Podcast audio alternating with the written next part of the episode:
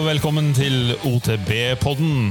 Mitt navn er Jameson Pothecary, og i dag så er jeg uten Vira Berentsen. Og det er fordi at eh, jeg har tatt turen til Geilo for å møte, møte en eh, ganske kul og spesiell kar som eh, jeg har egentlig hatt lyst til å få med på podkasten helt siden jeg hadde ideen om å lage en podkast. Og han som sitter ved siden av meg, han heter Stian Skarsten. Skars, Skarsten? Stian Skarsten. Yes! Ja da, Stian fra Eilo. Fikk du plutselig for meg at du heter Skarstein, men det heter du ikke. Nei, nei. Nei. Velkommen til OTB-podden. Takk, takk. Ja. Eh, veldig sånn kort fortalt, du har jo vært en eh, Ja, hva skal jeg si? Eh, meget aktiv eh, kar i eh, diverse sånne sportsmiljø. Ski, snowboard, sykkel. Sikkert noen andre ting du har prøvd på eh, her på, på Geilo. Prøvd å mislykkes stort i det meste av det. Så, nei, ja, ja, det var mye gøy, da. Ja, Og så har det vært litt sånn primus mote, spesielt innenfor sykkelmiljøet her eh, på Geilo i mange år, har jeg skjønt. Ja, jeg kom eh, Altså, jeg ble så drittlei av å bo i byen. Jeg bodde i Oslo, og eneste jeg venta på, var å kjøre opp til fjellet hver eneste helg, sommer, vinter. Eh, og eh, så hadde jeg oppdaga at uh, sykling var fremdeles like gøy som det var da jeg var liten. Og når det kom skikkelig gode dempere og altså, det gikk an å dra på litt, så var det veldig vanskelig å si nei når Rock'n'Roll la ut uh, stillingsannonse. Så da skrev jeg at jeg var bestevenn med Excel og motorsag, og fikk jobb. Ja, ikke sant? Så da var jeg liksom med fra begynnelsen, fra første flytstime vi bygde på Geilo. Og det var, det var bare gøy. Ja. Det, det var gøy hele veien. Og så eh, gikk eh, det meste på skinner, selv om det sikkert jeg har hørt det allerede fra deg. at Det var jo noen eh, uhell underveis, men så i 2019 så hadde du en eh, skikkelig uhell. Eh, og så, eh, som gjorde at du rett og slett i dag sitter i rullestol. Mm. Eh, og det er sikkert veldig mange som har hørt og lest om, om deg, blant annet med Stians Back eh, aksjon som du har hatt, med sånn klistremerke og armbånd og sånn. Um, men jeg tenkte kanskje vi begynner fra starten. Eh, Og så kommer vi til den dessverre den uheldige dagen i livet ditt eh, litt etter hvert. Men eh, det jeg tenkte på, som du var litt inne på i stad, altså hvordan starter det hele? Altså, jeg tenker for eh, sånn sykkel, sykkelinteressen. Sykkelinteresse? Nei, altså jeg bodde på toppen av en bratt bakke på toppen av en annen bratt bakke, som begynte på en annen brattbakke. Eh, Så når jeg skulle åpne til skolen hver dag, så var det sykkel. Så jeg hadde sykkel som framkomstmiddel. Det var det jeg brukte sommer, vinter, overalt. Eh, Det var Først ned fra huset så var det en eh, veldig steinete sånn provisorisk sti. Og så var det å slippe bremsene og håpe at det ikke kom noen bil på tvers når du skulle krysse veien. Mm. Gjennom en tunnel, prøve å treffe litt på veggen, og så over gangbro. Og prøve å slå 45 sekunder til skolen hver dag. Og her snakker vi hvilke sånne år, eh, sånn cirka? Eh, Tolv, kanskje? Elleve? Ja, Ja, rundt der. Ja, når vi skulle slå ball og fotball på Løkka og sånne ting. Ja. Eh, Så um, det fortsatte til jeg, jeg bodde på Geilo gjennom videregående, gikk på NTG, kjørte alpin. Eh, og sykla i det som var av skiløyper og sånne ting. Mm. Så ble jeg med på Altså Det var bare fordi at det var altså Det er jo bare gøy å sykle. Ja. Det er jo det er bare gøy. Ja. Og så eh, gikk det an å få litt rimelige sykler fra trivelige folk, og så var det sånn eh, Det var liksom bare sånn god dra-på-stemning på sykkel. Og bygge, vi kunne bygge på gamle sandtak og sånne ting. Kunne bygge hopp og prøve å ta baklengssalto og lande på trynet og gjøre sånne ting. Altså, vi er der, da! Ja, ja, vi må jo drape litt med første gang, ikke sant? Så det ble liksom bygge hopp, mye bygging. Ett hopp, tryne, skrubbsår, hjem, få på resept og plaster, og så vente til solbrentheten og såret var grodd, og så var det nytt forsøk. Gode dager, rett og slett. Ja, ja. Og så fant vi ut at det gikk jo noen stier oppover i fjellet og sånne ting, så det gikk an å sykle opp, og da måtte vi jo ned igjen. Ja. Da var det jo å dundre nedover og håpe at ramma holdt, og så brakk vi noen gafler og rammer og Ja, det var de dagene, da. Ja, ja. Det var der. Så du, du var ganske tidlig uh, ut med stisykling, ville du sagt? eller? ja, det var egentlig før vi visste at det het stisykling. Det var når det var uh, offroad. Så, pioner, rett og slett? Nei, jeg tror ikke jeg var pioner. Altså. Det, det, var, det var sånn kult, for det, var, det begynte å komme bilder, og du så liksom de som sykla i Utah på Ja. Hardtail, sånne ting begynte å komme. Og jeg husker at det var konkurranse i Hemsedal, Ja. og da kom de med heldempa, men da, Ja. da var jeg egentlig ferdig. Da var det ski og videregående på NTG og sånne ting som sto Altså, måtte, måtte velge litt. Det, ting eh, ting kosta penger, og sykkel var jo livsfarlig, fant jeg ut. Så. Så du er, du er jo skikkelig friluftsmann, eh, rett og slett? Og, Jeg er bare glad i å være ute. ja. Ja. ja. Så er det gøy når det går fort nedover, da. Ja. Ja. Og så har du jo, som, som du sagt, eh, også mye ski og snowboard også, skjønte jeg? Ja, jeg vokste opp med å kjøre på ski. Jeg fant ut, jeg begynte å kjøre på ski da jeg var to og et halvt. Mm. Kjørte første konkurransen litt før jeg fylte tre. Eh, I Halsteinsgård og Geilo. Ja. Eh, tror det var jeg og Jostein som stilte i den klassen. Hvem av oss som vant, det er det ingen som vet. men det var gøy, da. Det, ingen minne av det, men eh, jeg stilte i konkurranse før jeg kan huske av det. Og så har jeg kjørt eh, Jeg har bare vært på ski, vært på snowboard, vært ute. ja. Egentlig bare fordi det har vært gøy, og så har jeg vært sånn midt på treet god. Grei nok til å kunne stille opp i litt NM og litt eh, sånn konkurranser i Europa, fått lov til å reise litt og være med på ting. Og så eh, kanskje mest eh, sånn Siste konkurransen jeg var med på, tror jeg var i Vågå på freeride på ski. Og da fant jeg ut at det her er for gammelt, altså. Men da, da hadde jeg begynt å sykle, og da begynte ting å bli sånn at nå er det bare det å være ute, og henge sammen med kompiser og gjøre ting er gøy. Hva- Hvordan vil du beskrive hva slags eh, syklist du, altså stisyklist du var? Var du sånn freeride, eller og, så var du uredd eh, type, eller? Nei, jeg, altså, jeg har alltid vært så Jeg har vært sånn eh, Jeg skal si eh, Jeg har alltid vært eh, litt sånn forsiktig med å dra. Altså sånn, eh, ikke egentlig forsiktig, men litt sånn eh, Jeg skal være veldig trygg på det jeg gjør, før jeg gjør det. Jeg skal være veldig sikker på at jeg lander alt. Jeg skal være veldig sikker på at jeg har balansen, at jeg holder hæla nede og tør å se fram, liksom. Kjenner til det. Eh, så jeg har liksom ikke vært den som har dratt på mest, men eh, jeg har hatt noen sånne Der jeg egentlig ikke har visst helt hva jeg har gått til. Ja. Sånn som den dagen jeg ble hekta på syklingen skikkelig. Da eh, hadde jeg nettopp kjøpt meg en sånn DH-sykkel eh, som var litt liten til meg, som er en sånn freeride-sykkel. Mm. Eh, fra Dwayne Butcher, som starta det som er eh, Geilo Bike Park nå. Mm. Eh, og så hang jeg meg på en gjeng i, eh, fra oppe i Holmenkollen. Og eh, var altfor treg og uh, klarte ikke å holde følge. Bomma på linja og dro over road-gapen i Holmenkollen. Det var skikkelig hekta. Hvordan gikk landingen? da? Jeg var livredd. Landa, bremsa, landa litt på sida, skrubba opp stort sett det som var på låret. Men uh, jeg, var, jeg var så hekta. Det var så gøy. Det var den der opplevelsen av å liksom føle at steg jeg kan fly på sykkel òg. Det er ikke bare på ski, liksom. Ja. Da, da, var, det, da var det ikke noe vei tilbake. Altså. Ja, for det er, det er et eller annet som, som jeg oppdager også, eh, dessverre altfor seint i livet, at eh, når du oppdager at du kan kjøre utfor ting som eh, du kan liksom dra ut fra, altså så dropp, der du ikke må bare rulle over og gå over styret. Når du, når du begynner å oppdage at det går, og du kan faktisk gjøre det med en mye høyde, det er så gøy. Ja, for det, det, det begynte med, var at jeg, jeg hadde slutta å sykle, egentlig, og så dro jeg for å besøke en kompis av meg som eh, bodde i, eh, i Canada. Mm. Eh, og så kjøpte jeg en sånn eh, BMC hardtail med litt god demping og klikkpedaler og sånne ting. Og så reiste jeg og sykla Whistler. Å, fett. Er dritdårlig, det. Var det dårlig, det? På hardtail.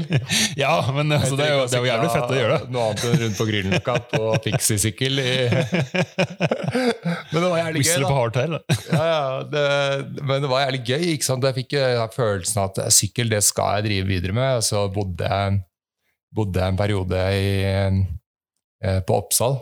Mm. Så da hadde jeg Østmarka Østmarkas venner og Ja. den gjengen der å slåss med. Ja. Eh, så da var det jo å lære seg å sykle fort. Stikke av fra Nikkersgeriljaen. Og så eh, ble det litt sånn eh, Så flytta jeg til Frogner, og da ble den sykkelen stjålet. ja. Og så tenkte jeg nei, gidder jeg ikke kjøpe mer sykkel, jeg er ferdig. Men eh, så kom jeg til Geilo og fikk uh, testa sykkel. og ble dratt med av Man kommer alltid tilbake, vet du. Jeg tror de, som- de, de jeg tror jeg hang på nede i eh, Nede i eh, Frognersetra. Mm. Det tror jeg er Media-gutta. Ja. Så jeg har liksom en liten sånn her eh, sting i sida til Mikkel. Jeg har lovt meg en caps òg, forresten. ja. Så bare stille opp. ja, det var det. Ja. Em, Men eh, du, du, altså, du nevnte eh, altså, Geilo og stiene her. Og sånn, altså, det, du har jo vært ganske eller du var ganske sentral i sånn stibyggemiljø og, Mm. og, og få til ting her. Kan fortelle litt om det? ja, altså det, det begynte jo egentlig med at jeg bodde på så sa jeg Holmenkollen, og så var jeg så lei. Jeg var så drittlei. Mm. Så kom den jobbutlysningen fra Rock'n'Roll, Ja. som skulle bli liksom det som dro i gang stibygging i Hallingdal og fikk samla midler og sånne ting. Ja. Eh, Så jeg var med å bygge det første stien vi bygde, så var Skruffen her på. Så det er sånn eh, grønn, lyseblå flytsti. Ja. Eh, plass til å sykle med sykkeltralle. Eh, kjempegøy å sykle. Ja. Når du ser bilder av han, så er det stort sett jeg som hopper, eller eh, kanskje The Mark. Ja. Eh, og så gikk det slag i slag, så vi jobba Bygde eh, På Nesbyen bygde vi flere stier. Mm. Eh, lærte sånn bærekraftig byggeteknikk og hvordan vi fikk vann ut av stier. Da begynte jeg å se litt sånn på downhill, eller heisbasert sykling. Vi skal Ja. ikke kalle det downhill, for det er skummelt. Ja. Eh, på Geilo. Eh, og eh, så at det- var en del ting som burde tas og gjøres noe med. Mm. Så da var det å dra i gang eh, Geilo, eller GMTB, Mm. eh, som eh, tok utgangspunkt i Geilo Downhill Riders, som var litt for brutalt. Ja. Eh, så fikk vi med folk fra og, Altså, det var folk fra overalt. Fra Stavanger, fra Bergen, fra Oslo, fra Drammen. Som kom for å sykle, for vi ga da dagskort til de som var med og gjorde dugnad. Mm. Og da måtte vi ha noen som leda dugnadsgjengen, og da meldte jeg meg lett frivillig til å være med og bygge. Ja, ja. Det er jo beste crossfit-trening du kan gjøre, er å bygge sti. Ja, det oppdaget jeg i vinter. eh, Vi bygde eller bygde bygde, vi har jo tilrettelagt eh, litt gamle stier, da, kan du si. Mm. Oppi oppe i et, et eller annet sted i Nordmarka. Vil ikke helt avsløre hvor det er. Eh, men eh, også i vinter så dro vi dekk opp og ned for å holde stiene åpent så godt vi kunne da, mens det snødde og sånn. Og det kan jeg skrive under på. Det er eh, faktisk ja, jævlig bra trening. Men jeg, jeg prøvde å dra eh, dekk med elsykkel. Altså, jeg hadde, jeg hadde sånn sele på, og så hadde jeg dekk bak meg som jeg Ja. dro, og så sykla jeg. Og så gikk det jo greit oppover, og så nedover så sykla jeg, og så glemte jeg jo selvsagt at jeg hadde dekk bak meg. Og så tar jeg en sånn sjikane rundt noen trær, og faktisk en kompis som jeg hadde advart meg mot dette her, og så glemmer jeg at dekket den følger ikke helt med sykkelen, så den gikk på andre siden av treet, og jeg ble liksom bare revet av Du sykkelen. droppa anker, liksom. Ja, out the back door. Og det, er, det var så brutalt, og det var så vondt. Skål for det. Skål for det, altså! Så, men uansett, ja. Så, um, så du altså for jeg, jeg, jeg tror altså, Kan hende jeg tar feil, her, men altså, når mange snakker om uh, sånne steder kanskje de skal, altså oss, oss Oslo-folk, kan du si, altså byfolk, eh, storbyfolk Når vi skal reise bort en helg og stå på sykkel eller sykle et eller annet sted, eh, så er det veldig ofte sånn Nesbyen først på liste, eller Hafjell og Trysil f.eks. Men Geilo kanskje ikke eh, første man, man tenker. Nei, og det, det er jo fordi vi begynte jo litt seint. Mm. Geilo var litt trege med avtrekkeren. Vi var, eller egentlig var vi veldig tidlig ute, for vi hadde jo Pink Park. Mm. Og, men det var jo en ganske brutal North Shore-bygd. Korte, lave doseringer som eh, brakk og ja, altså, Jeg var én gang og sykla og fant ut at det der det er for sketchy. Ja. Eh, Da kjørte jeg snowboardcross i World Cup, så det var ikke fordi jeg var veldig feig, men eh, det var rett og slett Det var bare for sketchy, hele det der eh, opplegget. Um, men eh, det som skjedde, eller har skjedd der nå, eller på Geilo, er at vi har hatt en ganske kontrollert og strukturert utvikling. Mm. Så at vi har fått bygd eh, Altså, vi har fått bygd ganske mye solid sti. Mm. Eh, og um, det Det som Det som har skjedd, er at det, det er litt sånn av og på med når eh, det blir bygd noe. Mm. Eh, og så har markedsføringen gått på hele Hallingdal. Vi har jo Rides, som er eh, altså samle markedsorganet for Mm. eh, hele Hallingdal. Mm. Um, så vi har jo bygd eh, Jeg var jo med å bygge eh, asfalt pump track både her på Geilo og på Golen. Ja. Eh, så jeg var prosjektleder her på Geilo, og så var jeg med asfalt på Golen. Eh, så har vi jo bygd på Flå, og vi har bygd over altså, flere Mm. steder i Hallingdal etter den tid. Ja. Eh, så vi har jo Pumptrack Pump Track Series, som har blitt den norske Pump Track Series. Mm. Eh, og så har vi jo eh, eh, bygd altså kilometervis med flytsti og eh, heisbasert sykling. Ja. Og det som er så kult på Gjello, i forhold til Jeg har vært og sykla på andre steder, men det som er så kult på Gjello, at det har, du har så korte turer at du slipper den pausen midt i turen. Ja. Du kan bare gønne, og så tar du pausen når du står i heisen. Ja. Så plutselig på en dag så har du sykla 15 turer, da. 20 Ja, ja. turer. Og du blir Altså, du, du lærer stiene så godt. Du lærer hvor alt skal treffe, hvor flowen er, Mm. og Mm. hvor du på en måte skal gønne på litt. Ja. Altså, du får en helt annen måte å I forhold til hvis du sykler eh, Altså hvis du sykler eh, stitur, da, Mm. så får du én nedkjøring, og så dagen etter så får du en ny nedkjøring. Ja, det, er- ja. Ikke sant? Ja, det, det det blir Så- sånn, ofte sånn én lang nedkjøring, og Ja. så en del små, for at den lange den kostet så mye at eh, Ja, det er nettopp det, ikke sant? ja, ja. Så, så det er kult med de turene. Jeg synes det er, altså Favorittstien min Elo må du tråkke opp. Eh, får ikke lov til å si hvor den er. Det er ikke lov å sykle den. Eh, men eh, det er eh, dødskul sti å sykle. Ja. Eh, og eh, den må du tråkke opp, men jeg kjenner jo at det tar jo en sesong før du er trygg i den stien. Mm. Men så tar det én dag før du er trygg i Gold Digger eller Honda eller eh, noen av de heisbaserte. ja. Eh, og det at det er så korte, gjør at Eller korte, jeg syns det er mer enn slitsomt nok. Altså. Det blir, blir gående i hånda i låret av det, det syklet. Men eh, det gjør at du blir veldig trygg på det. Mm. Og så har du Når heisen stenger, så kan du ta en kosetur, ta med noe godt å drikke i sekken, og så drar du en tur rundt i Skruffen eller Skruffen 2, eller sykler i bikeparken i dirtbar-linjene. Eh, Det er grilling, du kan Ja. altså, det er, Og så er det en veldig fin base sånn for å eh, altså for å bo. Fordi Ja. at du har kort vei til Åren, du har kort vei til Nesbyen. Altså, jeg har bodd på Geilo og jobba på Nesbyen og bygd sti i hele sommeren. Ja, det er fett. Så det er, det er en, altså, det er en regionsatsing. Ikke sant? Altså sånn samarbeid mellom destinasjonene i, Hallingdal. Da. Ja, Og nå, ja. nå er det så at du, hvis du har kompiser som kommer vestfra, og noen som kommer østfra, så trenger du liksom ikke at alle kjører bilen. Du kan ta toget. ja, ja, Hoppe av toget på LO, og så er det Kult. all set for uh, sykkeluke. Altså, det er veldig kult at uh, det er så mange som går sammen og så tenker det store bildet, istedenfor at alle tenker sånn individuelt at jeg skal bygge opp min uh, greie akkurat her. Og, og, Mm. og det er sånn felles satsing. Jeg syns det, egentlig det er det som gjør det mest gøy. da. Altså, eh, Normalt sett nå så hadde jeg vært Forrige helg så hadde jeg vært på Nesbyen, på stickcamp Ja, og sykla. Fordi at det er liksom der det begynner. ja, Og så smelter snøen oppover dalen. Og så åpner vi her i slutten av eh, juni, begynnelsen av juli. Litt avhengig av hvordan sesongen treffer. Ja.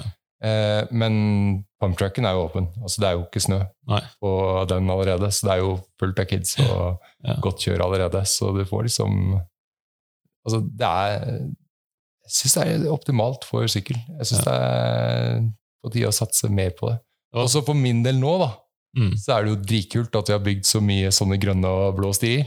Ja. For de er jo eh, Vi har jo sånn teip på rakene eh, når vi lager stien, så Mm. vi vet at det passer til sykkeltrallet. Så da passer det tilpassa sykkel også. ja, ja, ja. Sånn adaptive mountainbike. Så jeg er jo superhappy med å bo her nå. Wow. Ja, så Men det, det var jo sjukt mye folk på den Nesbyen eh, trailcamp. jeg hørte noen rykter om uh, 500 stykker. Ja, jeg tror det. Jeg, jeg, altså, jeg tror alle dro dit, bortsett fra meg. Ja, for jeg, jeg så noen bilder fra Knut og eh, fra gjengen som er trail, uh, trail i Nesbyen. Mm. Eh, Det, ja, det så fett ut. Altså. Ja, det så fett ut. Så den, eh, de bygde stiene er jo de som alltid er mest populære uansett. De blir tørre fort, de holder. De tåler 1200 stykker på en helg, liksom. Mm. Ja, ja, det er sinnssykt bra bygg. Og så eh, fra en fest til en annen, altså. Høgfest, ja. Der har du gode minner. Der har du vært litt. Jeg har hørt noen rykter. Du har rykter. Eh, snakka Har du snakka med noen som har vært på Høgfest? Det kan hende. Ja, det, det, det, som var litt kult, det som var litt kult, da, det var jo når jeg kom opp her i 2016, så var det liksom golden age. Mm. Jeg kom jo tilbake igjen til Geilo etter å ha vært borte lenge. Mm. Eh, men da var det liksom golden age for stibygging. Eh, vi fikk eh, Og Høgfest var liksom Det var skikkelig på høyden med bra konserter. Det var, altså, det var mye altså Miljøet i Hallingdal på sykkel var veldig bra. Mm. Eh, og særlig på stisykling og um, freeride-biten, egentlig. Eh, det snakka jo eh, Vegard om på Innpust og utpust for noen dager siden. Oh yes. Oh, yes. Så jeg har hørt historien bak Huckfest. Eh, men, men det som skjedde, var at du ble jo så fort når jeg var med å bygge stier, så ble jeg så fort kjent med folk. Så jeg hadde fra, folk fra Hemsedal, sånn som Sånn som Lars, som var pådriver, og Yogi og Magnus. Og de var jo med å bygge sti med, og de skulle på Huckfest, Og så var det flere andre som skulle på Huckfest som var med. Og, altså, Mark, som kom fra England for å være en som var med å lære opp, han kjente jo massevis av de som var med og kjørte Fest Series på det tidspunktet. Eh, så jeg hadde vært innom Huckfest tidligere, men liksom ikke kjent noen, ikke følt helt at jeg hørte til der, for jeg hadde hardtail og Mm. sånne vonde minner. Eh, og eh, litt sånn der eh, Jeg skal snakke om det seinere. Eh, men, eh, men, men når jeg kom dit da, så var det sånn det føltes som jeg kom rett hjem. Ja. Det var liksom Bare hørte til. Jeg fant ut at nå har jeg vært med og gjort alt mulig litt sånn på dugnad, og gjort, vært med å dra på. Så tenkte jeg hvis jeg skal bli kjent med noen, så stiller jeg så frivillig. Mm. Så det å stille så frivillig på Høgfest, da blir du kjent med alle. Ja. Og det var det som var så sinnssykt kult. Så fikk eh, vært med på turer, jobba litt på kvelden, jobba et par dager etter hverandre, og så var det bare å bli med på sykling og turer og uh, sykle lillelinja i parken. uh, Turte ikke dra på første året der. Uh, og det var sånn Altså Folk jeg kjente fra skimiljøet, eller har møtt på Hallingskarvet skisenter, eller møtt på Ål og sånne ting. Så sett i heisen begynte jeg plutselig å snakke med, så ble det veldig sånn sosial samling. Mm.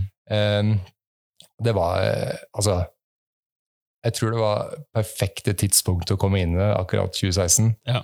Og så er jo relativt synlig som type. og når du da står med rock'n'roll-caps og rock'n'roll eh, eh, sleeveless og serverer burgere til alt og alle, så Så blir du kjent, da. Ja, jeg har sett bilde av deg. Du hadde liksom kul stil med sånn sleeveless huckvest og Ja, Og til man tattis og kjører litt sleeveless. Ja, fett. Og så ble det jo eh, Så, så da ble jo liksom eh, Det ble bare en sånn eh, god stemning, da. Ja.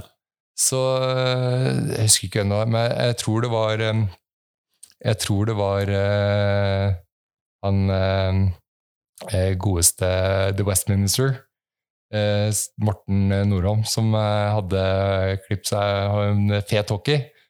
Og Den var jo folk misunnelige på. Si at du er klipper hockey, det klarer jeg. Det skjønner jeg Det, det fikser jeg. Sånn eh, klokka to på natta på torsdagen. Oi. Ja, ja.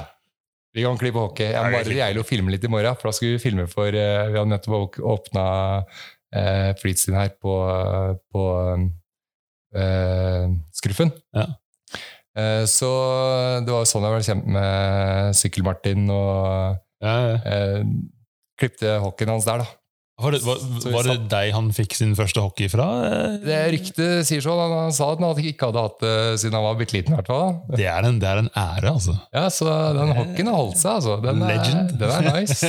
det var det. Ja. Og så, men altså er det, det er kanskje der altså for jeg, Når jeg så på video fra Darkfest som gikk i år, Mm. sånn Sam Reynolds som drar den nede i Sør-Afrika Da dreiv hun med å klippe noen sånne sjuke hårsveiser. Ja, det er, litt, det er blitt en greie, da. Er det kanskje Så- det som Kanskje det er du som starter hele? Så Andrew LeCondige han drev og løp og prøvde å finne meg hele dagen etter. Eh, Det er ikke kødd. Han prøvde å finne meg hele dagen etter og bare du, du må, klippe hockey må komme og klippe hockey på meg. Eh, men jeg hadde jo eh, Altså, det her eh, klippeutstyret det forsvant vel den dagen. så jeg ble litt dårlig med hockey på han da. Men jeg har sett ham med hockey i ettertid. Eh, og så eh, kjørte jo eh, Magnus Grønberg, eller Magan og Øydis Mm. Eh, De dro i gang eh, Stians Barbershop på Huckfest i år for å dra i gang eh, innsamlingen, så at jeg får meg en sånn eh, terrenggående rullestol, så det heter nå. Ja, ja. Eh, Det er jo ikke lov til å kalle det sykkel. Det er jo noen regler som eh, vi ikke alle er enig i når det gjelder eh, elektriske eh, sykler i eh, Skjønner. naturen. skjønner. Men det kan vi ta litt seinere. men eh, men det, det ble, har blitt en greie, da. Så klippinga på party, det Nå er det jo sånn rulett. Altså så er det lykkehjul. Ja, stemmer det. Ja, ja, så du kan få bolleklipp. Jeg har jo noen forferdelige bilder av meg selv òg fra Quest i år. Med, jeg fikk vel eh, Hva var det jeg fikk? Jeg fikk eh, Munch og uh, Munch og Munch-klipp, den, den er brutal, altså. Nei, det, var, det var vond. Den dagen var, det var vondt den dagen. med den. Men så hadde jeg jo ganske godt med skjegg òg, så jeg fikk en sånn her eh, Vokalisten i Motörhead. Ja, en sånn Lemmy. Lemmy, ja. Ja, sånn Lemmy. Lemmy, ja. Ja. Uh, og så er jo jeg rød i skjegget også, så det var jo kjempestilig. Rød Lemmy, da. Rød Lemmy fett, med munke, munk. det, det var upent, altså. Men, uh, Men uh, merket du når du fikk Lemmy at du dro på enda mer på sykkel? altså, da var jeg lam, så var det dårlig med sykling. Oh, var Men jeg dro på noe helt sjukt på dansegulvet. Jeg var, på, ja, ja, jeg var ute av stolen ved flere anledninger og ja, ble dansa med stående. Det var interessant. Men Og på jordbakken eh, på gården til Tveitvoll, så eh, ja, Da hadde det effekt, det. det har effekt. Ja. Hva er eh, hva, hva er ditt, altså fra, fra de vanlige sykkeldagene, på å si, altså, hva var ditt beste minne fra, fra da? Liksom, hva, eh, sånn, Jeg har jeg, Sånn eh, Fra begynnelsen så er det Det første er jo der turen i setra. Når jeg fant ut at sykling er dødsfett. Mm. Det, er, det er så rått. ja. Eh, og det når jeg fant ut at sykkelen tåler jo faktisk å bli brukt. Mm. Eh, og så eh, gjorde jeg til jeg, jeg møtte jo eh, min kjære eks på Quest, så vi dro til Salbach eh, og sykla i Salbach, Hinterglem og Leogang. Mm. Eh, det var jo en sånn øyeåpner når det gjelder sykling. Mm. Eh, bare for å se hvor mye flyt du kan ha, og hvor mye fart du kan kjøre på. Eh, så dro vi og sykla i California, og sykla Tråkka mye oppover, og sykla mye morsomt nedover. Og dro egentlig fra San Francisco helt så langt sør vi kom, omtrent. Mm. Eh, og sykla det vi fant på veien, og var innom Santa Cruz og fikk satt opp sykkel. Og sykla bak eh, universitetet i Santa Cruz, der de driver og tester sykler og bygger sånne seksjoner da, på downhill. Mm. Eh, det skjønte jeg ikke før jeg ikke hadde noe mer seksjon å sykle. Men det var, sånne, det var sånne store opplevelser. å sykla gjennom Redwood Forest og ble, altså hadde mye sånne morsomme ting i utlandet. Men eh, det å sykle sammen med sånn kompisgjeng på Geilo og sitte og prate piss i heisen og sånne ting, det er jo egentlig Ja. eh, morsomste. Mm. Dra til Trysil og møte folk som du ikke har sett på lenge, eller eh, på, på eh, Nesbyen og Mm. være på Altså stå i kø og vente på shuttlen, liksom. Ja. Um, men kanskje beste sykkeldagen jeg har hatt noensinne, var jo den dagen jeg skada meg. Nei, sier du det? Altså, jeg hadde ikke vondt en plass i kroppen. Jeg har trent beinhardt det året for ikke å bli skada. Tenkte at nå skal jeg ha en sesong der jeg er helt skadefri. Kjørt på med yoga og trent eh, crossfit og ja. vært eh, fornuftig med liksom alt jeg gjorde. Så um, ja, altså, da, da funka alt. Det var bare Samme hva jeg gjorde på sykkelen, så føltes det safe. Mm. Eh, kjørte en eh, Santa Cruz Nomad, så jeg var superfornøyd med. Ja. Um, og altså, det var, det var bare sånn enorm frigjørelse. Ja, for den, altså den Nomaden den hadde jeg og Vidar, som pleier å være med, han også har en sånn, og den var vanvittig sykkel. altså. Ja, det er det råeste jeg har vært på eh, av sykkel noensinne. Bare den Og så følelsen av at kroppen funker, sykkelen funker, det er strålende solskinn, det er 4-25 varmegrader. Vi skal ha afterbike og grille litt og ha litt sånn utlodding og kjøre litt moro. Mm. Eh, sitter i heisen på vei oppover og bare Fy far, nå smiler livet, ass! Ja. Nå, nå er det bra! Skulle på roadtrip, eh, liksom kjøpt telt til pickupen og skal reise rundt og sykle første tur. Aldri vært på Havfjell. Aldri sykla Havfjell. Altså, det er jo rett og slett eh, Burde egentlig vært bekjennelse på slutten. Ja, men, du, men det du forteller, altså det du fortalte om du har gjort altså turen i USA og alt annet, altså du, du har jo fått til med allerede en, de fleste drømmer om å få i et helt liv med sykkel. Så du har ikke ligget på latsiden. Nei, altså, jeg sykla jo så mye jeg kunne. Ja, Så det var jo skjønte jeg. Det var liksom ta fri jeg- Altså, jeg var jo Jeg begynte jo Kom jo til Geilo for å jobbe så Altså, jeg måtte være bort. Så var jobben som stibygger. Mm. Eh, være med og liksom synes jeg, Og så jeg alt rundt var jævlig gøy. Men det at vi skulle sette opp en sånn eller stiregion, altså sykkelregion Hallingdal så Det her er jo en genial idé. Eh, og så eh, kommer vinteren, og det er jo litt hardt i bakken her på vinteren ofte. det er Litt mye is. Mm. Så da måtte jeg finne på et eller annet å gjøre, så jeg jobba på barneskolen. Eh, må ikke si det noe, men det å være lærer er en ganske lettvint jobb, så du kan ta ganske mye fri og kjøre ned på ski.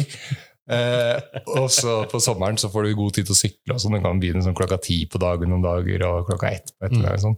Ikke så mange lærere som hører på det her uansett, sånn her oppe. Så det går fint. og så, så jeg fikk jo sykla ganske mye. Eh, og så fikk jeg kjørt mye på ski, og tenkte at eh, den, altså, regionen er så sinnssykt bra, da, sommer og vinter. Mm. Men det er et eller annet som liksom Vi trenger å dra på litt til på sommeren. Mm. Eh, og så um, stakk jeg innom eh, på, um, på eh, det som jeg da jeg trodde het Reiselivskontoret eh, på Visit Geilo. Eh, og så snakka jeg med hun eh, som var eh, dagleder i Visit Geilo da.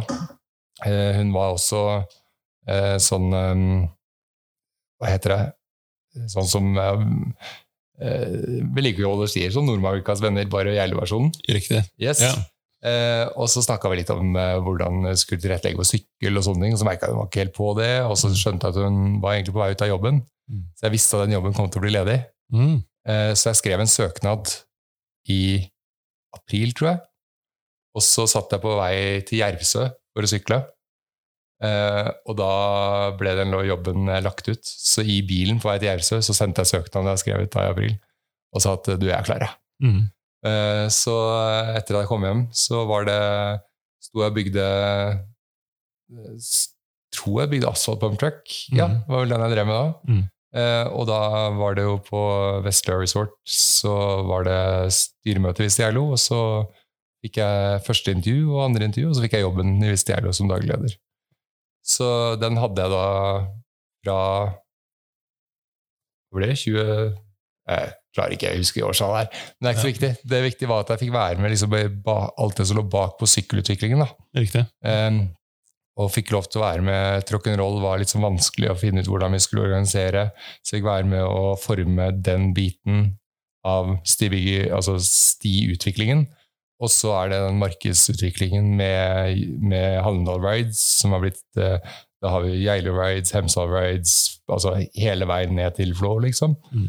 Eh, og det er sånn eh, Det å få være med og utvikle det produktet du syns er mest gøy å være med på, det er en ganske kul følelse. Ja. Altså det er sånn eh, Det er litt som eh, Sånn da jeg var liten og bygde sånn eh, sykkelløype Sandtak og kunne gjøre akkurat hva jeg ville. ikke sant? Ja, ja. Eller uh, sykla rundt huset hjemme og bygde, eller bygde akebakke på vinteren. At jeg vil at det skal se sånn ut. Mm. Jeg vil at vi skal dra dit og ake, eller dra dit og sykle. ikke sant? Og så kunne vi gjøre egentlig hva vi ville, men å strukturere det sånn at vi visste at det ble en sånn bærekraftig utvikling i det. Mm. Eh, og det er jo litt av grunnen til at eh, du sa at vi tenker Nesbyen, vi tenker Hafjell, vi tenker Trysil, Mm. vi tenker på sykling i Norge. Men det at vi ikke tar i for hardt før produktet på en måte er helt på plass, vi vet at vi har godt vedlikehold, vi vet at vi tåler å ha flere gjester. For at, husk at de stiene altså de stiene som er her, de sykles overraskende mye. Ja. Altså På tellerne så ser vi jo at det at stiene holder så bra som de gjør, det er litt sånn at vi, vi, vi lurer litt på hvor lenge den eh, holder. Men vi ser at det holder, altså de ser at det holder seg ved like, vi ser at det funker. Så nå begynner det å bli modent for å markedsføre det. Mm. Altså, eh, når Nesbyen starta, så var det ganske hardcore. Ja. Altså, jeg husker noen av North- Northshore-tinga vi dro ned. Det var jo 15 meter til døden. Det, altså, det, det var jo ikke noe alternativ. Det, det var liksom du holder deg på, eller så dør du, liksom. Ja, ja. Det er ti centimeter mellom hver planke, og øh, altså rett, det var, Og så er det det med at det tar tid med grunneiere og sånne ting å få ting på plass. Det skal være gjort ordentlig. Det skal, du skal vite at uh, heisen går hvis du skal utvikle heisen. Mm. Du skal vite at uh, Altså, du skal, du skal være sikker på at det du sier at er der, Mm. er der om tre år. Fordi at de du selger til, de du drar til Danmark i år for å si at eh, du kom til Hallingdal og sykla, de skal kunne komme om tre år også, og da skal produktet være hakket bedre enn det forventer, Ja. ikke litt verre. ikke sant? Ja. Eh, og det var jo sånn, det var, det var veldig givende å se den siden av eh, sykkelmiljøet i Norge òg, da. Og da hadde vi jo det samarbeidet som er med Altså for Sykkel i Norge, der er jo stort sett alle med. Alle destinasjoner som jobber med sykling. Mm. Eh, og det å sitte i det utvalget også, og få liksom eh, være med og si altså forme hva som skal være standarden for en bærekraftig sti, for en sti, altså sykkelregion. Eh, hvordan Nå var det ikke jeg som begynte der, for all del. Jeg fikk lov til å være med på liksom, innspurten når alt kom og ble klart. Altså, eh, nå har vi jo stibyggerutdanning på Geilo. Vi har eh, Stibyggerguiden, ikke sant. Vi har altså sånn manual for hvordan bygger vi en sti Mm. som holder i 100 år. Mm. Eh, og det, det var så det var skikkelig golden age når jeg kom inn. Altså, Ja, Det var helt optimalt. Eh, eh, altså, det var jo for, altså, Når jeg lå på sykehuset, det jeg savna mest, var den biten å få være med og liksom Ja. Videreutvikle Geilo sånn som jeg ville, stiregionen i Hallingdal. Ja. Eh, Ikke bare sykle, men også gi noe Ja, tilbake ikke til sporten. Ja. Eh, og og den, eh, den følelsen av å være sånn pakka inn og del av det, Mm. det, det savner jeg. Ja. Og det er jo derfor jeg driver og er ute og tigger om penger til sykkel. ikke sant? det er jo ikke kødd. Det er jo for å få være med i det miljøet. For det er, eh, det er jo eh, Altså, sykkelmiljøet i Norge er, i hvert fall på stisykkel og den biten jeg har vært med på, er altså, det er jo helt unikt. Ja, kult. Men så var det den, altså, tilbake til den, den dagen du sa det var kanskje den beste dagen du har hatt på, på sykkel. Og så blei det rett og slett eh, Jeg skjønte at det var siste turen? Man Ja, jeg si fucka jo turen. fucka skikkelig opp for alle andre, da. Ja. Ja. Så, eh, altså, for det første, altså, altså, det som er så sjukt med, da, Ja. det er jo Vi kjørte Vi kjørte Sunny Days. Så det er en sånn håndbygd mm, Så hadde vi gjort eh, ganske mye vedlikehold på den. Eh, og så ser jeg Jeg sykler bak eh, Yogi og Magan fra, fra Hemsedal. Mm. Og så ser jeg at eh, det er så rot som stikker ut, som bare catcher på hjulet på de hele tida. Ja. Og sånn Jeg tenker at jeg tar den rota, og så ser jeg en stein rett foran trynet. Altså, så jeg går med huet som full Supermann rett i en stein. Bak meg sykler Dwayne, som er liksom primusmotor i Det har vært det på stibygging her oppe siden han kom fra Australia. Mm. Eh, og eh, han, første reaksjonen hans er at han ler, for det, det ser jo bare tåpelig ut, ikke sant? Ja. Altså, sånn Supermann over styret på flatmark. ja, og det, det tror jeg alle har gjort. Ja, ja. jeg har gjort det. Altså, så- Jeg hadde jo ledd sjøl, ikke sant? ja, ja. Og jeg bare Jeg, jeg, jeg husker bare det derre Hva pokker? Og så kjører jeg skikkelig smell, Mm. og så kjenner jeg Eller kjenner jeg jo ikke noe. Altså, det er bare ingenting fra nakken og ned. Ehm, jeg trodde jeg hang opp ned på en eller annen måte. Jeg skjønte ikke hva jeg hang opp ned i. Mm. Uh, og eh, det var sånn um, Altså Dritkjip historie, da. Det er, det er jo ikke noe gøy å fortelle, eller sånn å høre på. Men eh, det, de gjorde, altså det, det, jeg var så heldig med, da, eh, det var jo at eh, jeg sykla sammen med de jeg sykla sammen med, som ringte ambulansen en gang. Jeg hadde ambulanse der, jeg tror det gikk 6 15 minutter, så var ambulansen der. Wow. På vei opp med heisen så hadde de sett luftambulansen fly begge veier. Mm. Så jeg tenkte at liksom, ja, kult at du har luftambulanse, det er dritbra. Altså, vi har to helikopter, liksom. Ja. Altså, det er jo eh, kjekt å ha det. Um, og så ligger jeg her og jeg tenker bare Fader, nå ødela jeg skikkelig afterbike for alle andre. altså. det var første. Det var første jeg tenkte, tror jeg. Eller først så sier jeg til Dwayne at du, nå gikk det skikkelig gærent. Det gikk skikkelig ille. Vi må ringe, ambulanse. Ja. Og så ligger jeg der mens han ringer, og eh, Magnus og uh, Magan og Jogger løper opp igjen. da. For å roper på dem. Eh, det kommer flere andre etter, og em, det var litt sånn Jeg bare så hele altså Den stemningen som har vært så sinnssykt bra, for det var knusktørt, varmt, digg, vindstille, god, altså sånn, bare sånn ordentlig god stemning. Ja, så, så, sånn som det er akkurat nå.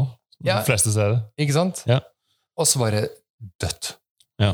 Det var, det var helt flatt, og det var den herre Jeg vet at hele den sesongen, for veldig mange, så ble det Altså, det ødela på en måte sykkelgleden den Mm. sesongen. Mm. Ehm, og jeg tror det var eh, året før, så hadde jeg jo sett uh, altså, Eller 2017 så hadde jeg òg en ulykke der jeg brakk nakken.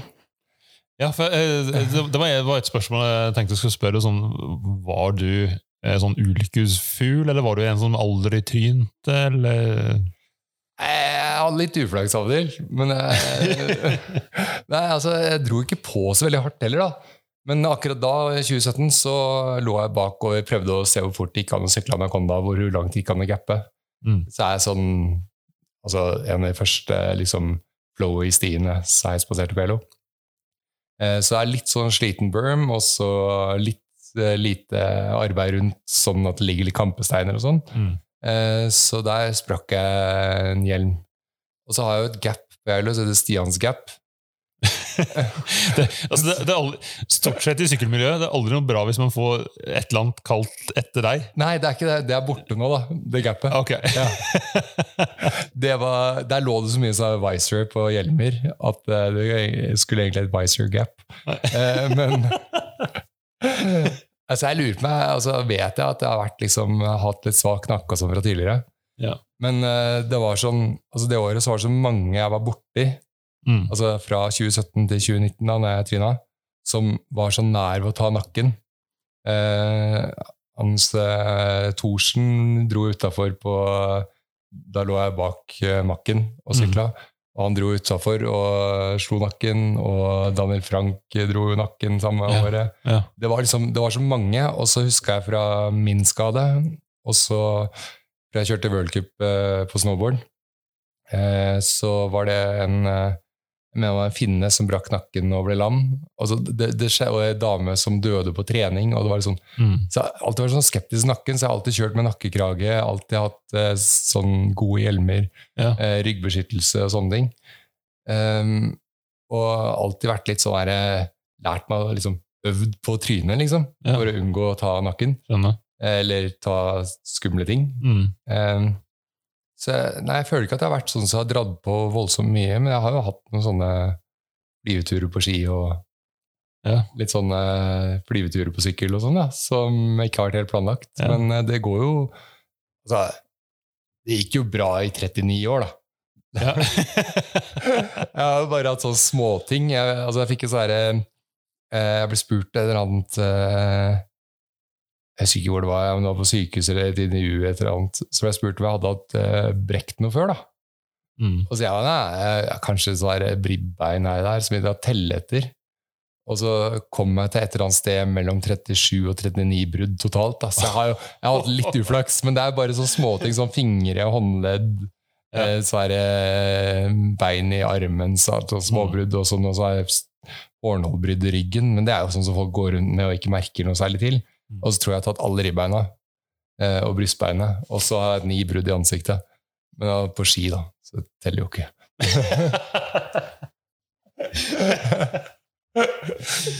Men altså, nå, altså For du fikk hjelp, du fikk hjelp ganske fort, men eh, hvor jeg, jeg tenker eh, Når man er i en sånn situasjon, så må jo alltid være et lite håp at ok, nå ser det ille ut, men det kommer til å bli bra. Men når var det det gikk opp for deg at eh, ok, nå sitter jeg ordentlig i det? liksom? Nei, det, det, var, altså, det tok et tiendedel. Fordi at eh, altså, Siden jeg hadde hatt nakkebrudd tidligere der jeg kunne gå ned Mm. eh, Jeg visste at det, eller jeg fikk vite i ettertid at det var, hadde vært ganske seriøst. Mm. Um, og um, altså, jeg kjenner, altså, det var null bevegelighet, null føle- følelse. Jeg kjente at det, liksom, hvor det knasa i nakken da jeg traff. Jeg skjønte at hele den ryggvirvelen, eller nakkevirvelen var bare gone. Um, jeg klarte ikke gripe med hendene, jeg klarte ikke gjøre dritt. Jeg klarte så vidt å løfte sånn, så litt på høyrearmen. Jeg husker eh, Jørgen han eh, satt og kne, liksom holdt meg i hånda og liksom trøsta, trøsta meg. Mm. Jeg, altså, tårer rant og i det hele tatt. Mm. Eh, så jeg husker bare at det, det var så enorm smerte. Det var sånn Mm. det eneste jeg kjente, var smerte. Og, og det, altså det gjorde jeg et år etterpå, eller mer enn et år etterpå. Mm. Jeg hadde satt i en sølepytt og lagde snøballer. Ja. Så all temperaturkontroll og alt i kroppen, og så var jeg bare gone. Ja. Og så kom jeg på sykehuset, fikk vite at jeg hadde ganske stor blodutredelse i nakken, at de hadde satt inn en titaniumbur istedenfor nakkevrivil. Eh, det var Sannsynligheten for at det ble noe særlig bedre, var veldig liten, Mm. men jeg måtte bare håpe. Ja. Ja. Ja. Så jeg husker at eh, en eh, av stigebyggerne, David, han kom og besøkte meg på sykehuset. Eh, når jeg var oppe de fikk meg opp å stå da, for å regulere blodtrykket, men kjørte på sånn sjuke mengder med adrenalin, så jeg sto. Mm. Stod og spiste jordbær, og så der er, Du må slå av hvis ikke du tåler sånn her eh, dritt. Men jeg, jeg dreit det på meg da, mens jeg står der. og kan slå på igjen, da.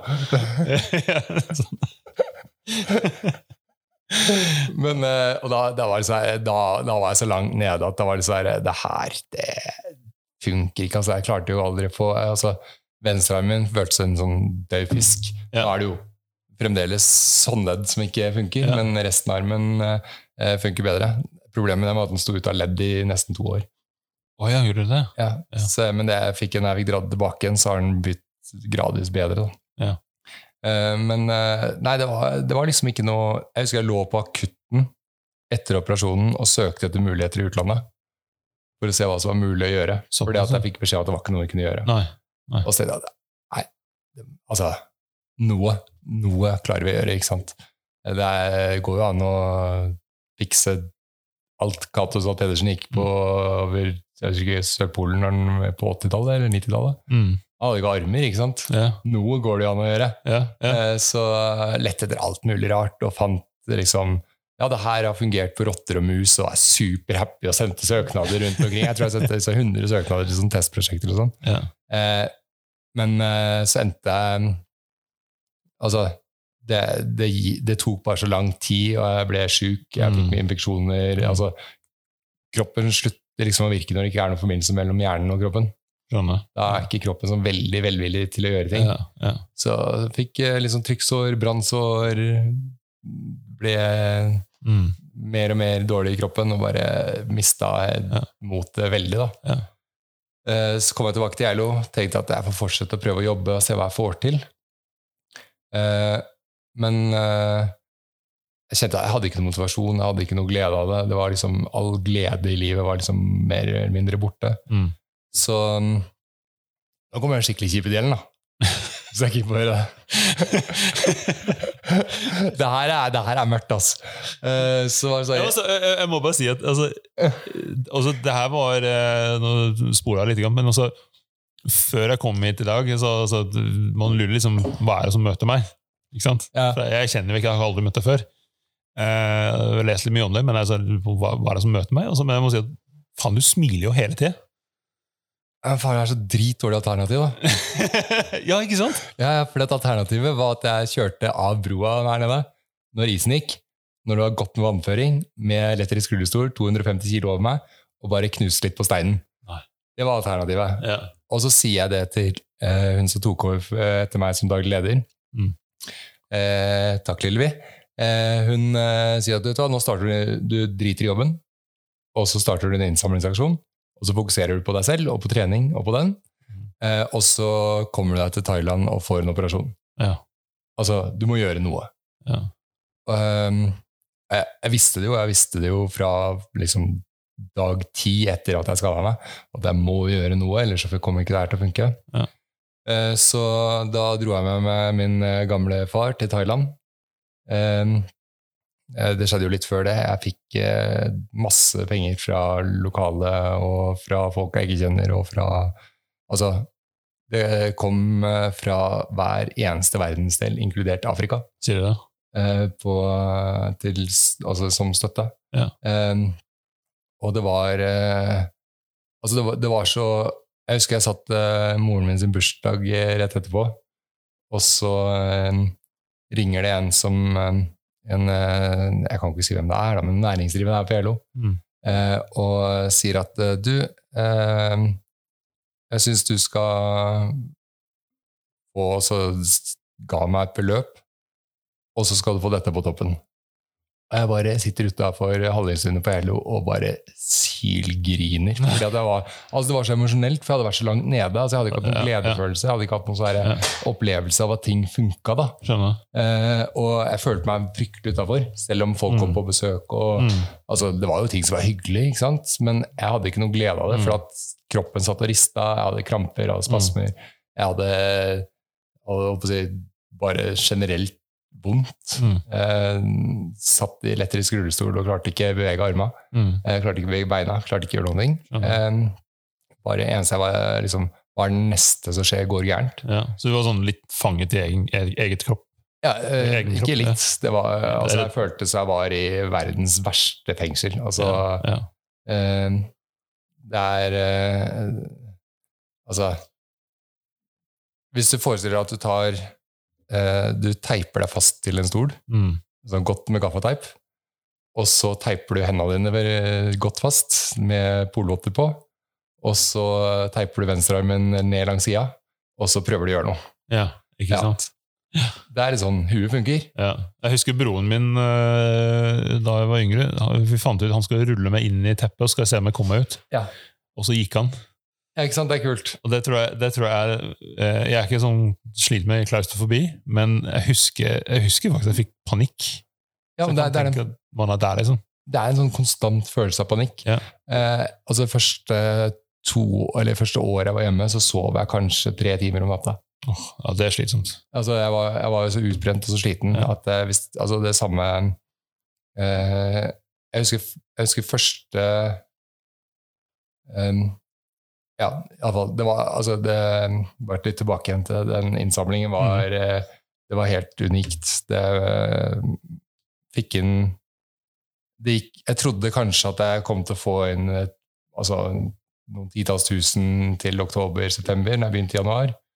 Eh, og i april så hadde jeg nok penger til å reise og gjøre operasjonen, så hadde jeg over en million. Sterkt, altså. Så det var, altså det, det var det mest rørende og mest Altså Jeg, jeg har aldri Og det, det er jo litt sånn Jeg var i en veldig heldig situasjon i og med at jeg var veldig synlig ved ELO. Mm. Eh, det var veldig tydelig at jeg hadde hatt en seriøs skade. Mm. Um, det var liksom tydelig at jeg hadde bruk for å få hjelp, men at det var så enormt da, og så mange. Altså, det var eh, liksom barna til folk jeg ikke egentlig kjenner, som ville gi penger. Mm. Så kom det liksom eh, Jeg vil gjerne gi deg ukelønna mi de neste tre ukene. Wow. Ikke sant? Det er sånn fra Ja, ja, ja. en eh, Ja, det- niåring. Ja. Det er, altså, det, så det er altså grein igjen da, ikke sant? Eh, møter eh, på gata, så møter jeg altså andre næringsdrivende fra Fjello som sier at du, hvor mye penger du har fått inn på spleisen din nå? Mm. Og sier at ja, nå, nå ligger det rundt Jeg vil ikke si summen, men eh, en sum. Ja. Og sier du vet hva, jeg matcher den for deg. Ja. Fordi at jeg var nettopp på sykehuset og opererte ryggen, Ja. og den følelsen av å ligge og ikke kunne røre seg, den unner jeg ingen.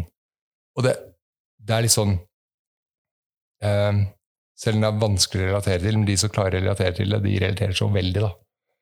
Um, men så dro jeg til uh, Thailand, opererte, fikk satt inn uh, epidural elektrostimuli i nakken og i, i uh, nede på ribbeina. Mm. og det er sånn som Det er litt som å holde fast i strømgjerdet, og så satser du på at du klarer å bevege beina i riktig rekkefølge. men det er litt sånn det føles, da. Ja. Det er ikke superdigg, men da Jeg husker liksom da jeg fikk det her antispasmeprogrammet, og jeg klarte å sove gjennom natta. Ah, ja. Og den, bare, den følelsen av bare vet du hva, det, Nå er det chill, ass. Mm. Jeg kan faktisk sove. Så da sov jeg i 36 timer, da. Åh, nei, er det sant? jeg kødder ikke. Wow. Jeg var helt fullstendig utmatta, og da hadde jeg gått, altså, gått i ett i to år. Ja. Um, hadde hatt vondt og kramper og spasmer og uh, vært nedfor og tenkt at uh, nå er det endelig slutt på dette livet. Ja. Og i det hele tatt. Og så, og så kommer den derre oppturen og den derre det, det, var ikke, det var ikke sånn jeg så at beina beveget seg, at det var bare juhu, beina beveger seg. Mm. Det var bare sånn Endelig. Ja, ja. Det var, så, det var sånn antiklimaks, på en ja sånn lettelse, liksom. Eh, Lettelse Ja, ja, Eller, eller po, eh, hva er det? Postklimaks. ja, ja, ja. Eh, og det, det var eh, Altså, det, det er villeste jeg har opplevd. Altså, det er, den å føle at Vet du hva, jeg har faktisk noe igjen å gjøre, altså. ja, ja, ja. Men så kom jeg hjem, så møter jeg helsevesen og hverdagen og vinter på Geilo og i det hele tatt. Og så eh, sitter jeg her og så tenker jeg bare, hva pokker skal jeg gjøre nå? Mm. Elektrisk rullestolen den hadde jeg parkert i garasjen og ville egentlig aldri se igjen. Mm. Eh, prøvde å komme meg ut. Fryser, kaldt, kjipt. Har ikke noe å leke meg med. Mm. Eh, fikk sitski, men jeg har jo ikke styrke i venstrearmen, så det er litt sånn trikk jeg kjører. Jeg får det sånn delvis til, men det har vært å prøve det og testa. Eh, men eh, så fikk jeg Egentlig før det her så hadde jeg vært og testa sånn tilrettelagt eh, mountainbike. Fordi at jeg fant ut første jeg møtte da da jeg var på Sunnaas, var en som heter Gunhild. Som, uh, Gunhild Botolfsen, som driver uh, en sånn adaptive mountainbike-greie. Mm. Så vi satt og prata sykkel eh, en dag. Ja. Eh, og så eh, fant jeg ut at jeg kan jo bare invitere de opp på Geilo. Eller invitere henne opp, og så se hva som skjer. Mm. Så kom det en tolv stykker Ja. med sånne tilrettelagte sykler. Og testa stiene rundt omkring. Og jeg fikk testa sykkel og fant ut at det her må jeg bare ha. Mm. Så snakka med eh, Lars, da, som var rock'n'roll-bossen. han som eh, Mm. primus motor og pådriver på rides og rock'n'roll. Og Magnus, som er grafisk designer, som var med når jeg tryna og skada meg. Eh, og de eh, sa at vi, vi må bare begynne en innsamling. Så snakka vi ganske lenge om det, og det tok en god stund, for jeg følte meg ikke klar. Det her var jo før jeg hadde hatt operasjonen. Eh, og så, når jeg kom hjem igjen, så sa jeg at nå, nå må vi kjøre, kjøre i gang nå. Så Mm. da kom eh, Stians Back Kult. og eh, begynte å samle inn penger til eh, at jeg kunne komme meg tilbake på stien. Ja. Så nå eh, Så siden du nevner det, fortell hva Stians Back, for de som ikke vet det. Altså, Ja, Stians Back det ble bare navnet fordi at jeg, egentlig, jeg hadde egentlig lyst til å starte en sånn stiftelse der. For jeg ser jo at det er jo mange som er i en tilsvarende situasjon som meg. Mm. Det er ikke sikkert at alle trenger å ha en sykkel stående til enhver tid. Det er ikke sikkert at alle har kapasitet eller folk rundt seg som kan dra i gang en innsamling, kan gjøre sånne ting. Mm. Eh, Men eh, så ble det sånn at vet du hva, vi begynner med å samle inn penger så du får deg et eller annet så du kan komme deg ut på stien med. Mm. Fordi at eh, jeg fikk eh, blankt avslag fra Nav, for det var liksom ikke noe mulighet for at jeg skulle få Jeg klarte ikke å dra en håndsykkel. Eh, og det her er litt sånn, et sånt regelverk som er eh, under, eh, under endring nå, da. Mm. Eh, I forhold til ferdsel i utmark med elektriske kjøretøy. Og, altså, det her ble jo lagd når det var bensinmotorer på ting. Ja, riktig. Eh, og når eh, marktrykket var eh, belter som gravde seg inn og sto fast, og du måtte hente ut folk i helikopter, og eh, altså, elmotorer var liksom ikke et alternativ. Nei. Og regelverket nå sier at det kan være var det 250 watt på elsykkel, Mm. og det gjelder på håndsykkel også. da. Riktig. Men så kan du tenke deg vektforskjellen på en hånd og på et bein. Ja, Ja. Og hvis Mm. den hånda da har 10% av normal kraft, Mm. så er du ganske stuck. da. Ja, det, er, ikke så mye du får gjort. Ja. Eh, så nå er det jo Det som har skjedd nå, at eh, med den nye teknologien som kom, så kom det eh, Så har det jo blitt løst opp mange steder i verden, sånn at du kan kjøre med altså British Columbia ligger langt foran i Canada. Mm. Eh, så der har du Bowhead, for eksempel, sånn trehjulingsykkel. Så har første, første tanken min, da. Mm. Og det her eh, tenkte jeg når jeg var fremdeles på akutten på sykehuset, at jeg må jo ha en sånn. Oi, såpass? Ja. Da, da, da var jeg litt optimistisk en kort periode, Ja. før det eh, liksom Jeg møtte veggen så fryktelig mange ganger. Mm. Eh, Jeg dreit meg ut, altså, for jeg hadde jo fem dager uten forsikring. Ja, det hørte jeg med. Ja. Så jeg sto plutselig uten forsikring da jeg skada meg. Det var litt nedtur. Det hadde ikke hjulpet så mye å ha den forsikringen jeg hadde før, for den dekte ikke heispasersykling. Nei. Så sjekk forsikringer. Det er dritviktig. Jeg bryr meg katta hvem du har forsikring hos. Bare sjekk at den dekker heisbasert sykling og sykling på sti. Um, for det, altså det det gjorde, var at jeg ble, jeg ble jo um, altså ble jo, gikk fra å være økonomisk ganske uavhengig til å være veldig avhengig av andres hjelp. Mm. Um, jeg mista tråden helt, da. Skal du Ja. hente en øl, eller? Ja, Ja. jeg kan hente det. eller? Hva skal du ha? Eh, ta eh, et eller annet Vi tar Halling, da. Siden vi er på ELO. Nei, altså, det, det er liksom den nye teknologien som gjør at det blir mulig å komme seg rundt. Altså, den sånn regelverket er i dag, så må du bruke manuell rullestol. Og det er jo eh, Vi bor jo ikke på verdens flateste og minst steinete land, da. Eh, så det er jo en, en liten sånn umulighet. Hjertelig. Er det for deg, eller Jeg gjør det. skal tømme den? Nei, bare ta oppi. Vi, vi topper opp eh, litt IPA med litt halling. Ja, ja, vi gjør det. Ja, ja. Eh, så vi kjører cocktail. Eh, nei, så, så det er liksom Det finnes jo hjelpemidler og sånn, eh, og det fantes jo da også, men eh, det er liksom ingenting som er sånn finslepent for at du skal klare å komme deg ut og henge med de du har hengt med tidligere. Uh, være med i sykkelmiljøet. Altså være med Skål. Uh, de du har liksom sykla park med, da, eller eh, vært og uh, sykla sti på Nesbyen eller på Trysil eller hva det skulle være. ikke sant? Ja, ja. Men nå er det jo kommet Det, det som skjedde eh, da vi starta innsamlingen, det var at det var eh, eh, Det var to stykker som eh, begynte noe som het Exoquad. Mm. Det er en sånn firehjuls eh, terrenggående rullestol, er egentlig utgangspunktet. Men den er satt opp med sykkelreller, altså med eh, pivot og uavhengig dempere. Eh, forhjulet kan gå 40 cm over bakken når du sitter like flatt. Mm. Eh, det er null utslipp, det er begrensning, du kan sette hastighetsbegrensning på. Du kan åpne for å kjøre park, du kan bytte liksom, dekk, gjøre, eller hjuloppsett. Da, Mm. sånn at du kan bruke den på mange forskjellige måter. Eh, og så gir det minimalt med slitasje på terreng og sånne ting. Så da ble det, og den kan jeg kjøre, fordi at den går det an å legge til det som heter tetragrep. Ja. Siden jeg er tetrapeligiker i Norge Ja. og kvadrapeligiker i USA. Ja. Så, så da ble det plutselig sånn Ok, nå, nå er tida her. Mm. For da kan jeg være blant de første som får den. Det har jo funnet sånne typer tidligere, så det er godt an å kjøpe fra Nav, eller kjøpe fra Frankrike, f.eks. Mm. Men de er jo svindyre. de koster jo flere hundre tusen. Mm. Eh, det Vi snakker fra 200 til 400 000 for de her eh, syklene. Mm. Um, og da, da begrenser det seg hvem som får tilgang til det, og det begrensa seg veldig at jeg kunne få tilgang til det. Ja. Eh, I og med at jeg brukte det jeg klarte å få inn på operasjon. Mm. Eh, men da var det jo Så vi starta egentlig litt sånn soft start, og så dro vi, kom Huckfest.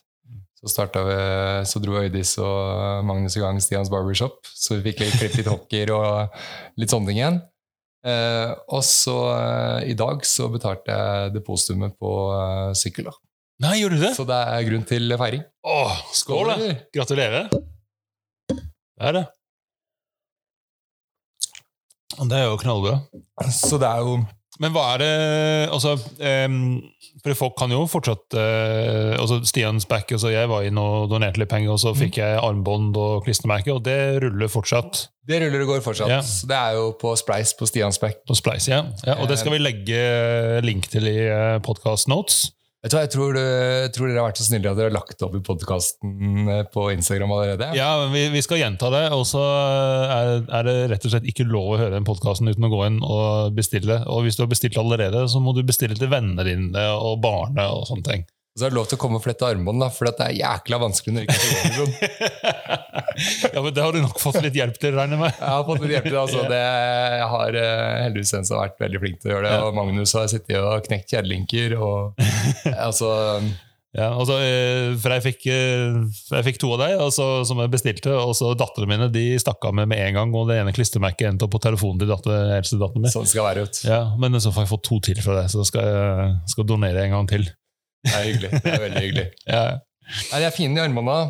Så vi, jeg har noen sånne uh, jeg, Jeg har gått gjennom noen. De, de varer ikke evig, men uh, sånn er det. Da må du bare donere en gang til, så får du nytt. Ja. Men um, jeg må bare spørre altså, uh, For at jeg altså Jeg selvsagt ikke sitter i nærheten av den situasjonen du er, men altså, jeg har jo vært ganske alvorlig syk for det var sju år siden nå. Og så eh, Det husker jeg jeg hadde veldig følelsen av, at jeg gikk eh, jeg husker jeg gikk rundt Karl Johan en dag. Altså Da jeg var så midt oppi sykdommen og behandling, og alt så også ganske mørkt ut. Og så så jeg rundt på alle de friske menneskene, og så tenkte jeg fucking hell, det er så jævlig urettferdig. Altså, har, har, du hatt den følelsen, eller? Altså, bor midt i Gjerde sentrum og ser mot gågata. da. Ja, ikke sant? Altså, har, har, du, har, du, liksom tenkt sånn Shit, altså Hvorfor meg, liksom? Nei, altså det, altså det, det er mer sånn herre Altså, det er jo sånn dager der det er uh, Fuck my life. Altså, det, ting funker ikke i det hele tatt. Det er bare slått ut og Fra før påske altså fra, Jeg var på Hafjell og kjørte sitski, og så Eller prøvde å kjøre sitski. Uh, mm. Og da drar jeg på meg en infeksjon, så blir jeg sengeliggende, ikke sant? Ja. Og da er det jo sånn herre Ja, er det verdt det, liksom? Ja.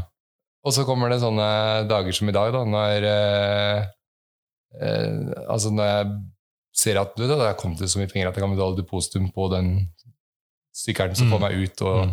og være med og ha det gøy i parken, eller eh, bare Altså komme meg opp på fjellet, liksom. Mm. Eh, jeg skal ikke si sykkelen, det er ele- elektrisk rullestol, terrenggående elektrisk rullestol. eh, og, men, men så er det jo selvfølgelig så er det jo er jo Igjen da, så er jeg jo privilegert som får lov til å bruke den, Mm. Uh, fordi at jeg får eh, sånn ferdsel i utmark-bevis. Mm. Men det er det jo ekstremt få som får. Jeg får det fordi at uh, jeg skal vel egentlig bruke det i jobb, Mm. men uh, det her er en liten kommune. Ja. Folk er snill, stort sett snille og greie med meg. Ja. Eh, men eh, det er eh, eh, Jeg ser jo at det er mange som sitter i samme situasjon som ikke får den muligheten. Ikke Mm. har, altså Mm. Selv om de får Selv om de har penger, selv om de har muligheten til å kjøpe det, så får de ikke lov til å bruke det Mm. fordi at regelverket er så strengt. Mm. Eh, og det er litt sånn Du føler at du kjemper så kamp i motvind hele tida. Mm. Eh, og så tenker du at nå slenger jeg noe ut der, og så får det liksom får letta litt på trykket.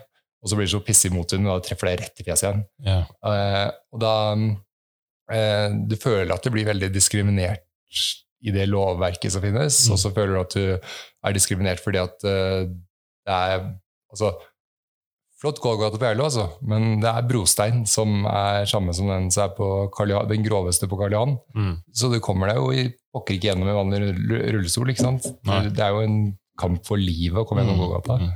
Um, så det er jo det, er jo det at um, føler, Altså, jeg føler meg jo altså, Jeg føler meg ganske inkludert. Jeg blir jo tatt vare på. Jeg blir invitert på podkast. Ja. Kommer folk og, med øl på døra. Men du har altså eh, Men- den, den driven du hadde eh, før ulykken, som dreiv deg til å selv altså, du, du var ikke opptatt av at jeg skal bare sykle, bare sykle. Altså, du, du ville være en del av miljøet, du ville Mm. tilrettelegge, du ville gjøre det bedre for andre.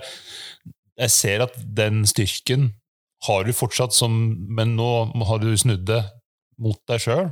Ja, altså, men, Og, men, jo- men nå begynner du å snu det mot andre igjen. Men det er jo litt sånn at du, du kan ikke gjøre Altså før du har det bra med deg sjøl, Ja. så kan du, og før du har um, den opplevelsen at du har en verdi, en egenverdi av å være Mm. Altså at du bidrar med noe positivt for deg selv og for andre, at ditt liv er verdt å leve, så er det veldig vanskelig å gi noe tilbake til noen andre også. Så em, det er jo den Men hvis jeg skal gjøre noe for meg selv, så hvorfor ikke vri og vende litt på det, sånn at noen andre kan nyte godt av det også. Eh, hvis jeg skal Eller hvis, når jeg må lage meg en jobb eh, fordi at eh, jeg, altså jeg har ikke betalt så mye skatt opp gjennom livet, så begynner det å bli på tide. Ja. Eh, så, så må jeg jo finne på et eller annet der jeg på en måte kan gjøre noe bra for andre òg? Ja.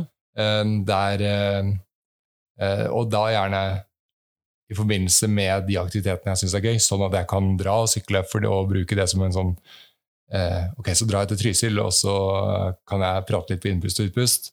Og så får jeg sykla et par dager, og så kan jeg sette meg i bilen og kjøre hjem igjen. Og så kan jeg dra til Voss, og så kan jeg snakke litt på innpust og utpust, og så får jeg sykle litt på Voss. ikke sant? Mm. Eh, og så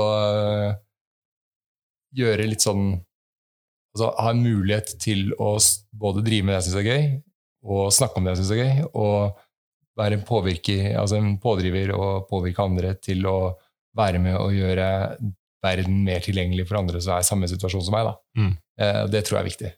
Åh, det skal jeg skåle for. Nice. Men klarer du jo Sånn som jeg sa tidligere, altså du, du smiler jo faen meg hele tida. Altså, nå er jeg nå, men, Risene, vet du, det er ja. Men eh, har du litt Galguden-humor i det hele òg? Nei. Klarer ikke det er jo altså, Sett bildet bak det, da. Så ja, ja, det er det. Ja, så jeg fikk eh, ja, han eh, Bare for å beskrive det bildet av en uh, kar som har gått opp fra en uh, rullestol, ser Det det er ut som. Sleepwalker, Sleepwalker. av uh, Dolk. Ja. Uh, så det var egentlig eh, Jeg ønska meg det bildet egentlig med en gang. Mm. For at alle drømmer jeg har altså, Det her tror jeg gjelder alle som sitter i rullestol. Drømmen du har, så er det sånn du sitter i rullestol, så bare Faen, er det jeg sitter i rullestol for deg? Jeg kan bare, bare reise meg opp og begynne å gå. Mm. Det er jo ikke noe verre enn det. Og så begynner du å gå, da. Men så føles det som du går med løsene opp til brystet. Altså, altså, det er som å prøve å sykle i crux i gjørme. Ja, ja, Altså, det, er, det er der sant? det føles. Altså, det er, du, du opplever det. Du våkner og kjenner at det er så umulig. ikke sant? ja. Eh, men uh, altså, du må jo ha litt galgenhumor på det, for det er sånn altså, det er jo dritt. Ja. Det er jo bare dritt. Det er ikke å legge skjul på. Det er ikke noe positivt å være Det er kult å sitte i rullestol, ass! Fy faen! Jeg har ikke håndfunksjon, så jeg må ha hjelp til å lage middag. ikke sant? Skjære opp biffen min for meg. Det er, Skjønner. Ja, ja. det er liksom ikke noe sånn Det er ikke noe sånn um, eh, Og så ser jo Det folk ser, da, det er jo, det er jo at du sitter i rullestol. Mm. Altså, å, kjipt, du er i rullestol. Men sånn i all ærlighet, det du trenger bein til, er stort sett å sykle. Mm. altså, det er ikke så mye annet du trenger bein til, og da kan du få håndsykkel. ikke sant? ja. Men alt fra skrittet opp, det har du egentlig bruk for. ja. Altså, det, er, det er interessant å ha funksjoner. ja. Eh, det er selvfølgelig det er kjempekult å ha beina og kunne tråkke seg fram på egen hånd, eller mm. løfte knebøy, eller eh, gå til butikken. Mm. Men det er ikke det som er viktigst. ikke sant? Det er det Mm. å kunne kle på seg sjøl, Mm. kunne gå ut og gjøre aktiviteter. Ja. Eh, bare stikke en tur ned på Altså, jeg bor 50 meter fra nattklubb. Mm. Kanskje 70 meter fra eh, sånn restaurant, bar, kafé Ja. type. Eh, 100 meter fra kafé. Mm. Og det å komme seg dit, det er et grønnjævlig helvete. Det det. For jeg må ha med meg folk, jeg må få kledd på meg på vinteren, så må jeg ha på meg liksom varme altså varmetråder og sånne ting. sant? Mm. Mm. Eh, hvis jeg blir kald, så tar det en dag eller to å bli varm igjen. Ja. Så det er liksom, det er alle de tingene folk Ja, ikke ser. da. ja, ja. Eh, og så plutselig så Ja, det fryser litt, jeg skal ta på et teppe. Nei, du, jeg holder på å få urinveisinfeksjon, så nå er det nå skal jeg hjem og legge meg og kjøre antibiotikakur i to uker. Altså, Ikke sant? ja. Ja. Så, så det er alle de tinga der. Da. Så, og det er litt sånn jeg har lyst til å jobbe med og sette litt sånn, å få fokus på. Ja. At det er mye mer som ligger bak. Og det er en grunn til at det er viktig å tilrettelegge for at folk skal kunne komme seg ut. Ha godt utstyr, ha gode Altså eh, godt miljø. Altså sånn som eh, eh, Altså der du kan møte andre i samme situasjon og lære av dem. Hva er det som er lurt å gjøre, hva er det som ikke er lurt å gjøre? Mm. Eh, særlig hva er det som er ikke lurt å gjøre. Så å sitte og vente på en buss i en time og fryse ræva av deg, yeah. dårlig idé. Yeah. Yeah. Ikke sant? Um, Men også klarer du å um, altså, Mange i og, og sånn som jeg også måtte lære, husker jeg, uh, var at istedenfor å uh, hva skal jeg si, tenke på hvordan man hadde det, og så prøve å liksom se framover og tenke slik har jeg det i dag, og, og ta, ta det derfra, istedenfor å liksom tenke at alt var mye bedre før. Har, altså, er, eh, klar, klarer, du, klarer du det? eh, det er jo Altså, det er jo mye sånn at det, Men det er, det er litt sånn, sånn vage minner, da, hvordan ting var før. Mm. Eh, så er så er og det er mye sånn eh, Hvis jeg tenker på hvordan ting var før, så er det mye sånn eh, treningsrelatert. Ja. Altså sånn eh, Hvordan gjør du den bevegelsen? Mm. Eh, eller eh, prøve å liksom ja, hvordan, hvordan var det der igjen? Altså, hvordan tar du egentlig på deg bukse? Altså, hva, hva er det du tenker på når du tar på deg bukse? For jeg skal jo forklare det til eh, folk som hjelper meg å ta på buksa. Ja. Ja, altså, hva er det du gjør når du tar på deg en bukse? Eh, og det, det er dessverre Så det, alt det blir liksom sånn lærte aktiviteter. Mm. Eh, og så ser jo ikke jeg min framgang så veldig godt. Nei. Men når jeg går tilbake og ser på bilder, Mm. eller møter folk jeg ikke har møtt på lenge, så er det dessverre Shit, du har jo Det der klarte ikke du før. Og så tenker jeg liksom jo, jeg klarte det. Og så bare nei, jeg klarte jo ikke det. jeg klarte jo ikke det. Ja. Altså et helt glass, liksom. Eller holde en Ja. Altså jeg måtte jo også være snittglass til å drikke av, ikke sant? Ja. Eh, det var ikke mulig å plukke opp en øl eller åpne en eh, boks med Red Bull. Ja. Ja. Bruke et annet eh, jeg skjønner. ja. Så det, Og det var litt sånn her Det er sa at det, det er jo liksom små ting, ikke sant? Med inkrementale sånn, Jeg vet ikke hva det heter. Sånn eh, inkrementale endringer. Mm. Ja, Småting som endrer seg, ikke sant? Ja. Plutselig Jeg fant ut Altså, jeg ble drittlei og fant ut at nå skal jeg lære meg å pusse tenna på egen hånd. Så da mista jeg tannbørsten i gulvet ti-tolv ganger, og så kunne jeg pusse tenna på egen hånd. Ja. Altså, det, var, det er liksom sånn, ikke sant? Ja, ja. Uh, men uh, det tar tid. Det tar sjukt lang tid. ja. Eh, og det er samme jeg vet at eh, selv om jeg eh, klarer å skaffe penger og kjøpe eh, terrenggående rullestol med lavt marktrykk og riktig hastighet, eh, som jeg kan eh, kjøre om til parksykkel, Mm. så eh, vet jeg at det tar ganske lang tid før jeg på en måte kan dra på og føle meg trygg på det. ja, ja. Ikke sant? Jeg kjører ikke Altså, jeg kjører ikke lengste stiturene på og ender opp i, i eh, Altså eh, Genghis Khan på vei ned til Hackfest. Ja, ikke sant? ja, ja. Det, er, det er ikke der jeg skal være. Nei, nei. Men det å kunne kjøre rundt på jordet på Hackfest Og få den følelsen. og få følelsen av å være del av, og slippe å ha noen som går bak og dytter meg, eller stå fast i en elektrisk rullestol, mm. uh, som er liksom alternativet i dag, da, at du har elektrisk rullestol som velter da, eller du står fast i. Eh, det er jo bare det er en så stor frihetsfølelse. det er den, det jeg ser frem til. Liksom. Nå gleder jeg meg sjukt mye til å få en armsykkel, så jeg kan trene opp armene. Jeg gleder meg til å få den derre eh, terrenggående rullestolen Ja. eh, som eh, jeg skal, kan kjøre rundt på og ha det gøy og være med der ting skjer, da, med de jeg har lyst til å henge sammen med. Ja. Der jeg har lyst til å henge med de. For at, ja, det er kult å møtes og se Rampage, liksom. Mm. Men to timer Rampage, spise pizza, og så Ja, men eh, jeg har det kult på jobb i morgen, gutta. Ja. Vi ses Ja. til Høgfest. ja. Ja, men det er nesten der, ikke sant? For at de er jo altså folk som jobber altså som De har jobb, de har barn, de har Mm. sykling, de Mm. har ski, Mm. ikke sant? Eh, eller snowboard, eller de aktivitetene de gjør. Og det å få være da, eller ha utstyr som gjør at jeg kan være med og sykle. Mm. Altså, jeg kan bli med på turen. Kanskje ikke jeg kommer på de råeste, verste, eh, eksponerte stedene. Det er jo ikke det som er tanken heller. Eh, Jeg er liksom ikke der at jeg skal kjøre roll gap på noe tidspunkt. Eh, Stians Gap. Stians gap skal jeg heller holde meg langt unna. Eh, Jeg skal prøve å ikke knekke så mange berms. Ja. Ikke sant? Eh, Men det å kunne dra til Hemsedal med det her bak i bilen, og så liksom rulle ut, Mm. ha med noen kompiser som får meg, kom, meg oppi. Jeg slipper å gå ut av å ta heisen for å sitte i noe som Mm. ruller, og så stopper, og noen må dytte i gang. ikke sant? Jeg kan bare kjøre meg selv i gang etterpå og Ja, ja, henge med ja, og være med på grilling og ta en øl og Fett. Ikke sant? Ja.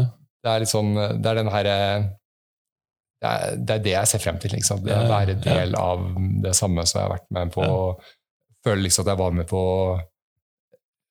Var del av og fikk lov til og liksom æren av å være med å bygge opp. Ja. Eh, det ser jeg frem til. Og det siste året måte, det har skjedd. Det er egentlig etter at vi starta Stians Back-innsamlingen. Ja, ja. Så du skal tilbake på sykkel, på en måte? Ja, det er det det er back. Ja. Det er det det Ja. er. Ja. Nice. så er det det at jo, jo mer aktiv jeg er, jo mer jeg gjør, jo sterkere blir jeg, jo mer kan jeg gjøre. Mm. Altså, jo bedre funker kroppen, jo bedre funker jeg. Altså. Jo bedre har jeg det med meg selv. Er det bra å ha det målet? Tror det? Det gleder jeg meg til å se. Da skal jeg komme og sykle med deg. Ikke sant? Du må komme på Huckfest, da. Ja, Ikke sant? vi har blitt fortalt at, eh, at eh, de ville ha live podkast på Huckfest. Jeg tenkte vi må jo ha eh, skriftestol der, der folk kan komme og Live skriftestol. Men jeg har hørt at eh, en liten fugl har fortalt meg at eh, det har jo vært en sånn morsom episode. Som, eh, det var noen som fortalte at du hadde jo klint med kjæresten til eh, Nei, der tror jeg ikke noe på. Altså. eh, At det hadde vært en episode der du hadde fått ildbefinnende. Altså, du måtte få litt hjelp, og det var jo kjæresten til noen som hadde Ja, stemmer. Nå begynte du å lure. Ja, da, nei, altså, jeg måtte jo flytte Jeg hadde et hus. Jeg kjøpte jo barndomshjemmet. mm. Eh, og det drev jeg og pussa opp når jeg skada meg. Så der var det litt sånn hull i taket, og eh, altså, det, det var påpusselse av det. Ja. Så det måtte gjøres ferdig og pusses opp. Og så inviterte jeg til dugnad. Og da stiller jo Hemsøler opp. da, vet du, Magnus kommer, og Øydes kommer, og eh, gjeng fra Geilo, står folk og maler. Og, og det her var jo før jeg opererte, før jeg hadde kontroll på blodtrykk og sånne ting. Mm. Så jeg kjørte så her elektrisk rullestol opp, og eh, jeg sitter i 25 grader, varmegrader i dunjakke med stillongs Oi. og boblebukse, tror jeg. Ja. Eh, og så glemmer jo det at eh, det er kanskje lurt å få i seg mat og drikke og sånne ting. Og jeg var sånn eh, elektrisk rullestol som du kunne reise deg opp i. Mm. Eh, så jeg reiste meg opp for å se på et eller annet, tror jeg. Og så husker ikke jeg noe mer, og plutselig så eh, kjenner jeg noen eh, myke, gode lepper mot mine. Og tusen hjertelig takk for at du prøvde å gjenopplive meg, Øydis. Det setter jeg veldig stor pris på, men det var blodtrykket som sank. Altså. Så det ble, det ble kanskje mer klining enn uh, gjenoppliving.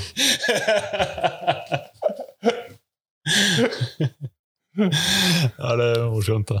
Ja, nei, det er flotte folk, altså. Det er, og det er de er eh, i, som har vært med og i, som er liksom i det sykkelmiljøet, har vært med på i rock'n'roll, vært med og dratt i gang Huckfest altså med Magnus og Mm. med mm. altså hele, den- altså alle som har vært med i miljøet i Hallingdal, har vært ekstremt bra folk. Altså. Mm. Ja. Altså, jeg tenker at du De er jo ekstremt bra folk. Ja, ja. Altså, men jeg tenker at du har jo egentlig altså, sannsynligvis hatt det litt bedre her enn for eksempel hadde du vært i Oslo. Så Ja. tror jeg det hadde vært en annen situasjon. Altså, ja, Eller en annen storby. da. Det er jo det. Og det, det at altså, her har jeg muligheten til å få til ting som jeg ikke ville fått til i en storby. Mm. Altså, det ene er at når jeg søker om ting, så er det ikke tusen andre som søker om akkurat det samme, Ja. som er litt bedre stilt. Mm. Eh, så jeg får mer mulighet, altså flere muligheter til å få tak i utstyr.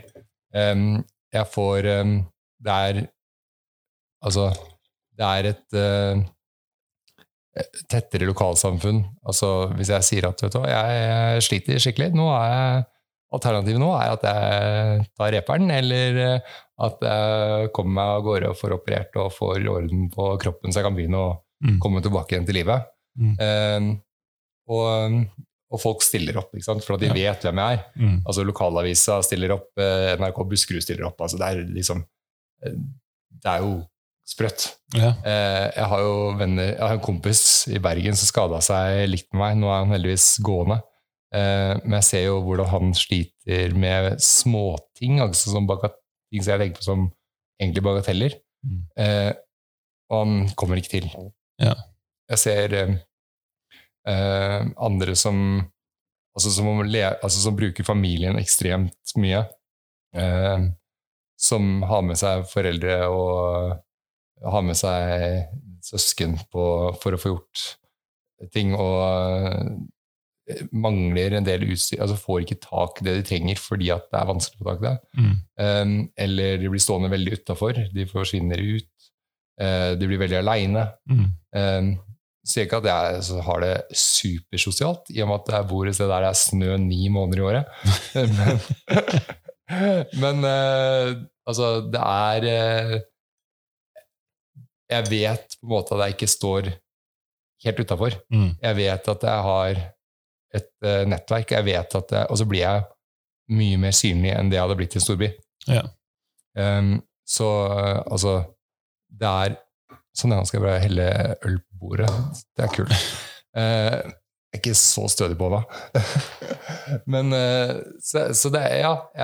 Og så er jo ved at jeg hadde hatt den jobben jeg hadde hatt, ved at jeg har vært synlig i sykkelmiljøet, Mm. så har jeg vært veldig heldig, da. Ja. Um, og um,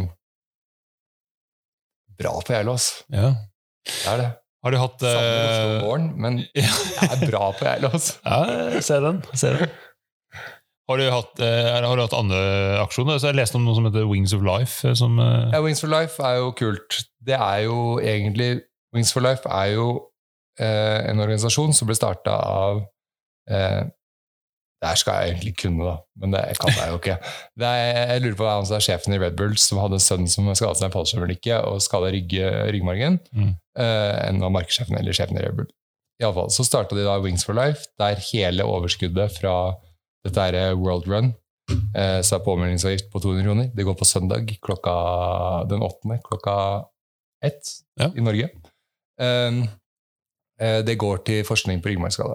Mm. Og den forskningen den gjorde jo at jeg kunne Altså at de fikk midler til å gjennomføre eh, testing og utvikling av det systemet jeg har operert inn i ryggen.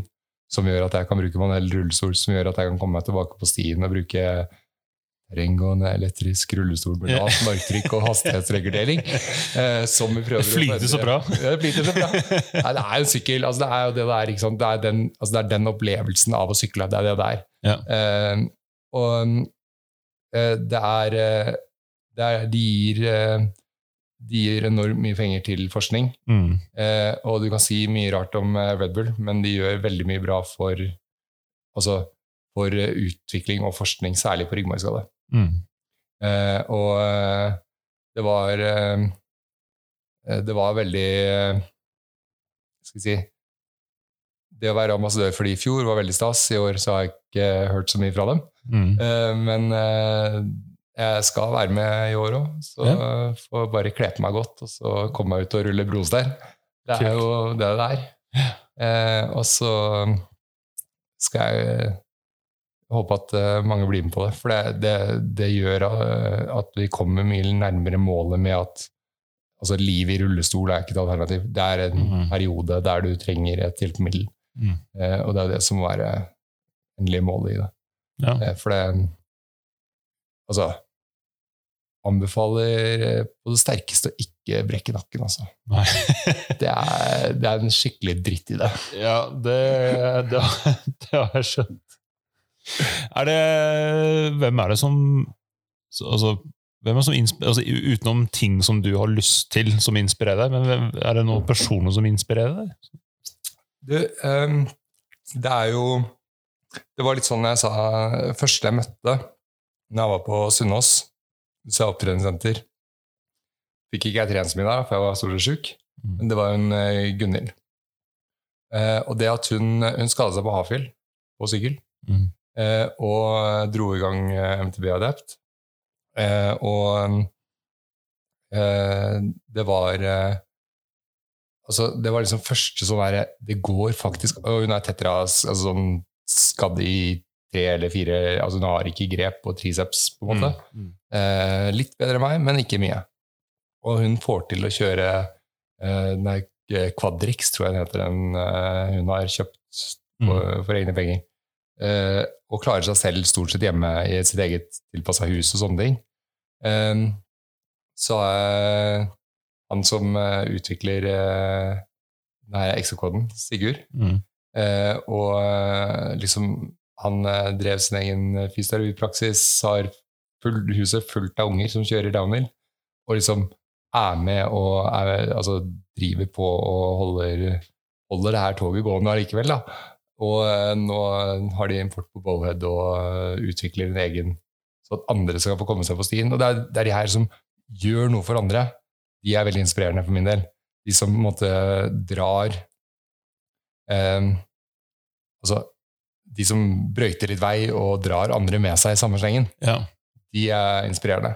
Ja. Eh, og så har du Altså, det er jo litt sånn samme som jeg ble inspirert av når jeg, var, når jeg begynte med sykling igjen. da. Mm. Det var liksom de som altså Dwayne og Clint som lagde sykkelpark og sto på og jobba dugnad og gjorde det de skulle på ELO.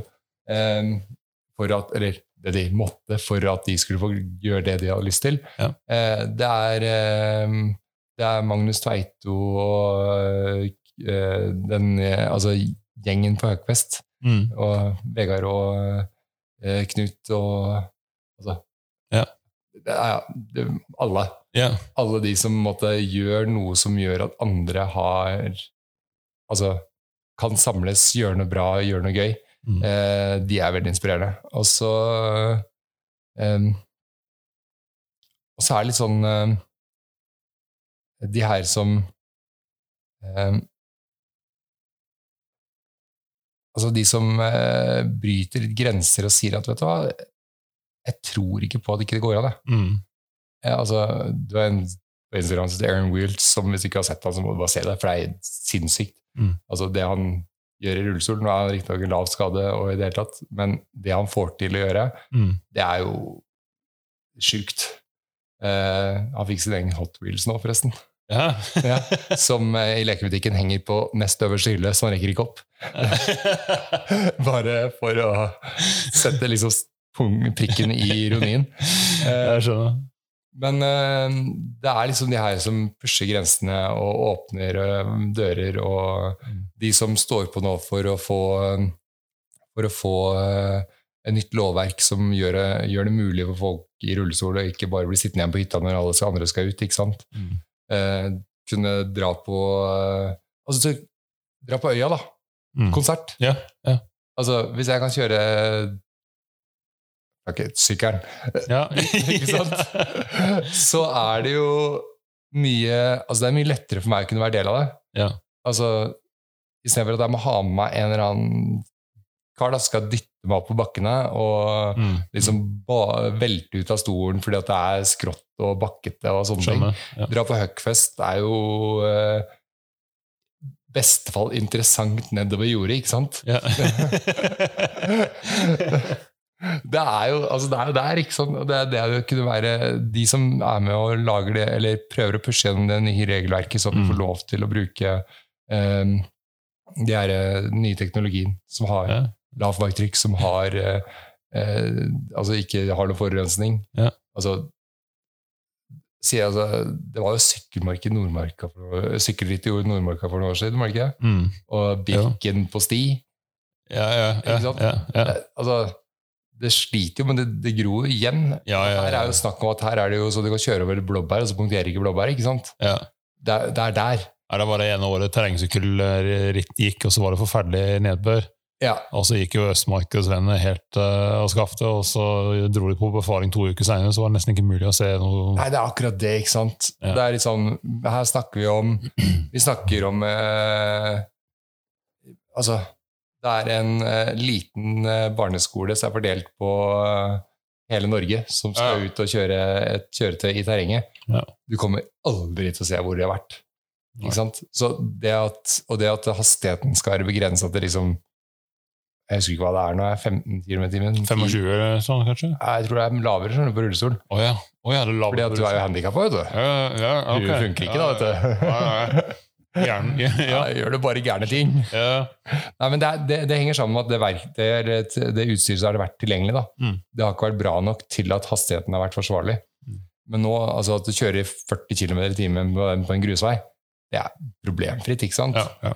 Sier ikke at det er nødvendigvis er et mål i seg selv, men at de får hastigheten opp litt og får lov til å ha litt større batteripakke, så det går an å komme seg liksom en dag rundt på Trysil. For Ja. du kan ikke hoppe ut av den og sette deg i heisen, du må kjøre opp.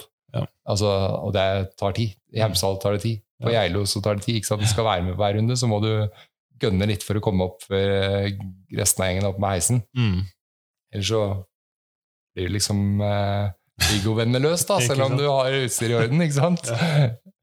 Men eh, klarer du å følge med det som skjer i, også i sykkelverden? Altså, tenk på det som Brage driver med. og så sitter du og har den samme glede av å se på det som Ja, ja, Så du, du er fortsatt der, liksom? Det er ikke Ja, sånn du, men Hadde du noen gang periode der du liksom nesten ble liksom kvalm av å se på det pga. situasjonen din, eller har du alltid liksom bare Nei, det er noen som Altså, en av de første uh, En av de første som sendte så er det Shit, går det bra med meg? melding. Det var Sam Reynolds jeg møtte på Huckfest. Nei, var det det? Ja. Wow. Og det var litt sånn Da ble det sånn her Ok, det miljøet her, det er tett, altså. Det, ja. Ja. ja. Altså, er, og eh, så har du Altså, alle som har vært på podkasten deres, på en måte, har vel sendt en hilsen på et eller annet tidspunkt. Mm. Altså eh, Det har vært eh, Det har vært sånn at eh, jeg har ikke følt meg utafor, selv om jeg ikke har kunnet være med. Eh, og selvfølgelig så har ikke jeg vært med og kjørt liksom eh, eh, Altså store konkurranser og vært rundt og gjort eh, ting. Jeg har vært eh, kosekjører. Kjørt på Geilo og eh, kjørt ho- Altså Klarer jeg å gappe to kuler? Jeg er happy, jeg. Og det er litt sånn Det er ikke Men eh, det er litt sånn at Og så får litt sånn hilsen fra gutta som kjører i uh, kjører hardline, eller som er med og altså, det, er, det er noe med det miljøet her, Mm. sykkelmiljøet, som alle skjønner at det vi driver med, er potensielt farlig. Ja. Det er ingen som tror at de er udødelige i det her. Eh, men vi prøver å gjøre det så trygt som mulig, vi prøver å gjøre det så fornuftig som mulig, og eh, prøver å lære oss å falle. Og eh, det er Altså, første året jeg var på Huckfest, når jeg var med, så bodde jeg Campa jeg ved siden av eh, Brage og faren. Ja. Da var jo han eh, Det var da han knakk ramma på på MX, eller ja, stemmer. Ja. Ja, var gaffelen, jeg skulle ikke hva som Det var moon, Moonbreaker. Mondraka, ja. ja. Ja. ja. Moonbreakeren. Moonbreaker. Ja. Eh, men da bodde jeg ved siden av henne, så det er jo hyggelig hver gang jeg møter henne, og det er hyggelig å prate sammen. Altså, det, er- det er alltid hyggelig å møtes, da. ja. Eh, og derfor så blir det så lett å følge med i Altså følge det miljøet og følge det som skjer, og eh, liksom Det er dødsfett å se på de som Ja. får til nye ting og lykkes, og Brage med X Game-videoen og så. Altså, det, det er jo Det er jo så langt forbi der jeg noensinne var på sykling. Uh. Og der vi alle stort sett kommer til å ende med sykling. Uh, men det viser jo Altså Det at det er du, du har på en måte altså Det er ikke sånn som i um, Jeg har vært i masse sportsmiljøer. Mm. Og det er, uh, i snowboard så har jeg opplevd litt av det samme. Det er de på en måte beste i verden de er eh, kule folk, fordi at de vet at det de driver med er farlig, og alle som er med, er, eh, går i samme risiko. Frikjøringsmiljøet har vært mye samme. Mm. Eh, men det tetteste jeg har vært i noensinne, er på sykkel, altså. Ja, det, ja. Og det er altså, sånn som det har blitt. Eh, Når jeg sykla Jeg begynte å sykle, så var det jo Nå, nå kommer det litt tilståelse her, da. Ja. Så spør jo altså Da var det jo hardtail og litt sånn Hva var det? 60 mm vandring, gaffel. Eh, og grusritt. Og 26 tommer hjul. Og eh, sånne eh, De her stygge på sida av styret. Så jeg ikke tør Å oh, ja, si hva det. Barents. Jeg vil ikke si hva det heter. Og mye Barents. Jeg tror ikke jeg holdt på Jeg tror ikke jeg hadde Det var ingen slitasje på, på holkene mine. Det var Barents. Der var det slitasje. Um, men det miljøet der var noe helt annet enn sånn sykkelmiljøet har blitt. Og det tror jeg mange av foreldregenerasjonen, sånn som jeg potensielt kunne vært, da, Mm. eh, var med på og opplever ikke helt den utviklingen som har vært da, de siste eh, vet ikke 10-12? Ja. Det er ikke lenge. Vet. du. Altså, jeg husker når, eh, altså når, eh, når eh, Rampage begynte igjen, Mm. Altså rundt når Makken og, som var med, da begynte det å komme tilbake det miljøet. Når Huckfest begynte, ikke sant? Mm. det var da det miljøet som er nå, begynte å bygges opp. Så vi er jo på en måte veldig privilegerte som får være del av det. Eh, og så fikk vi Hafjell. Vi hadde Pinkpark ved Geilo, og så var det litt nede en stund, og så kommer det opp igjen. Mm. Og sånn går det jo. Nå ser vi eh, Thule og Shimano sier at uh, nå er sykkelen nede. Nå, nå, nå selger vi ikke så mye som vi har gjort før. Ja. Og så klarer ikke Sham å levere. Ja, ikke sant? det, er, det er litt sånn der, ikke sant? Så det går sånn bølgedaler, og det er ting som er pop og toy, ting som er inn og ting som er ut. Og ene året så er det kun eh, altså det er Lycra og eh, kjøring på grus som er i media. Og neste året så er det Red Bull Hardline, og så er det World Cupen, og så er altså eh, Cross Country World Cupen, og så er det Enduro som er kult. Og så, Ja. altså det går alltid bølger, og sånn er det jo. Det kommer an på hvem som er bra i det landet. Mm. Og i Norge nå så har vi en del veldig bra utøvere.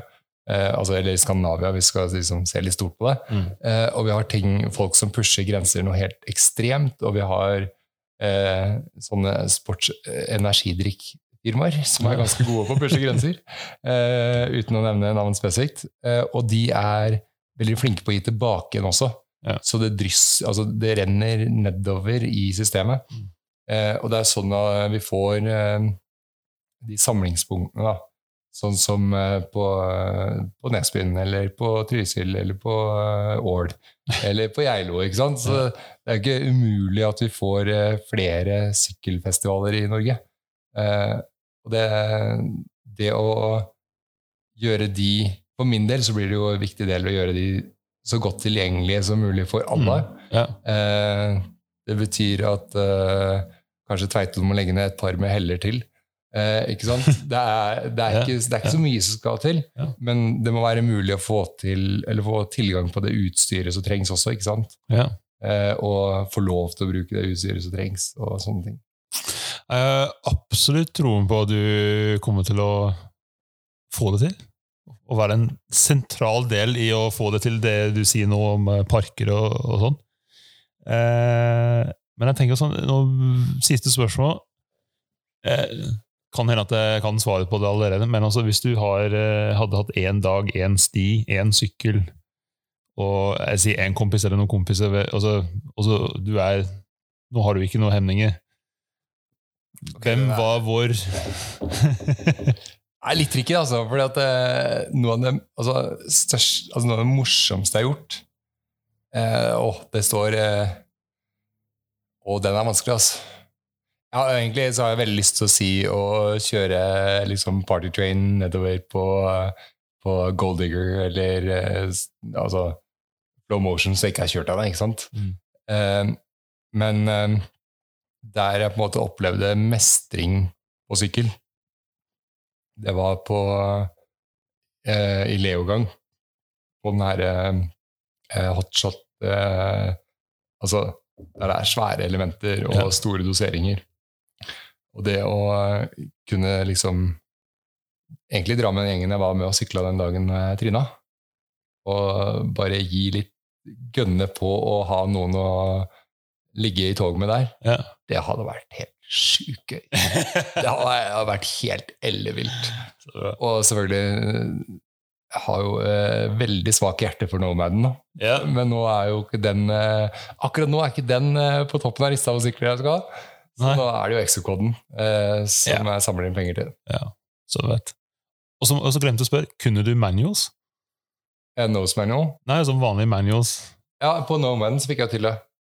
Også, men da jeg var liten, da Det som var greia da jeg var liten altså, hver, Jeg sykla hver dag. Ja. Jeg mener hele året. Om det var blåis, så sykla jeg til skolen. Eh, og eh, her snakker vi mer enn 10 helling. Eh, men det å ligge og tråkke på bakhjulet fra jeg tok i sykkelen på skolen, og så kjøre da hele veien hjem med oppover og nedover bakker og bro og i det hele tatt på bakhjulet, det var liksom målet. Og eh, når jeg var på ungdomsskolen, så hadde jeg den inne, altså. Så Det er, det er fett, ass. jeg kan kjøre no-hander, jo. Eh, Wow, Ja, det er next level, da. det var, jeg var god på det en stund, altså.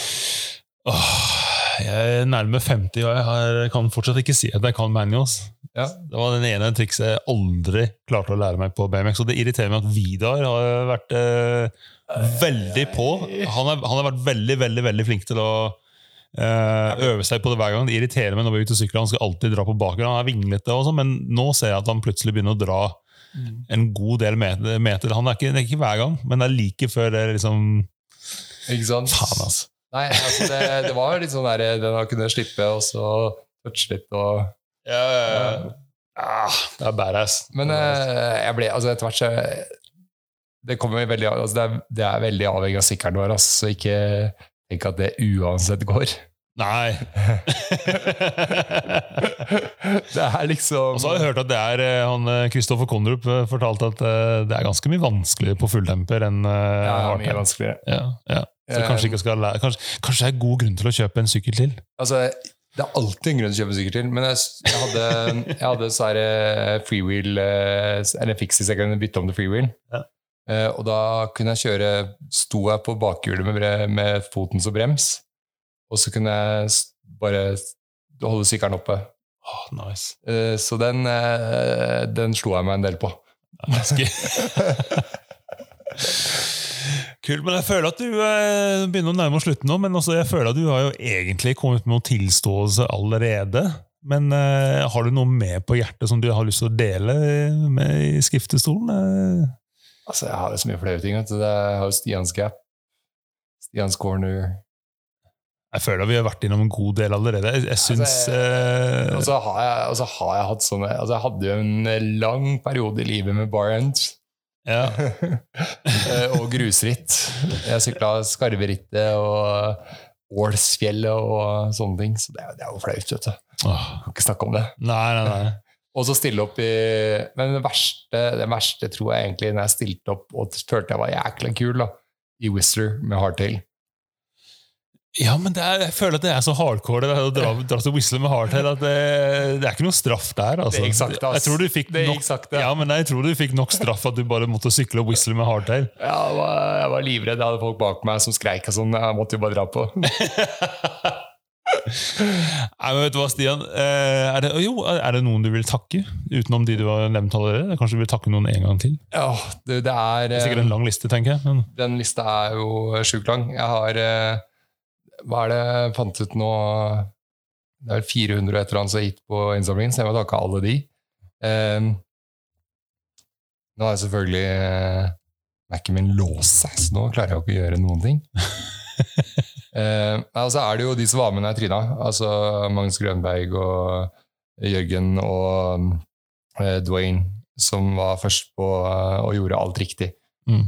Um, og så um, Lars, som har vært med å dra i gang og holde orden på uh, innsamling og pushe den, og Rides Hallingdal og Rock'n'Roll, som fikk meg inn i sykkelmiljøet igjen. ja. Eh, og hele Huckfest-gjengen, så unngå å nevne noen navn der, eh, som har vært superpositive. Og eh, altså Sigurd Martin. Vi må ha med Martin. Ja. Og alle som stilte opp eh, med Altså når jeg var skada, som kom på sykehuset. Altså de som har vært med å bygge Stime. Og det er, hvis jeg begynner å nevne navn, så blir det bare Ja. galskap. Det er, det er så mange. Ja. Eh, og ja. Det er eh, folk som gir meg klær, og Yes, for eksempel, som har, yes, for, yes on Life, som har Mm. stilt opp med klær. Og eh, ja, det har vært veldig mye bra. Kult. Og her må vi skyte inn en liten edit her. Eh, Etter innspillingen med Stian og på vei tilbake i bilen, så fikk jeg en SMS fra han. Og her er det noen flere han ønsket inderlig å takke så innmari mye for all hjelp han har fått. Da skal jeg rett og slett lese opp tekstmeldingen hans.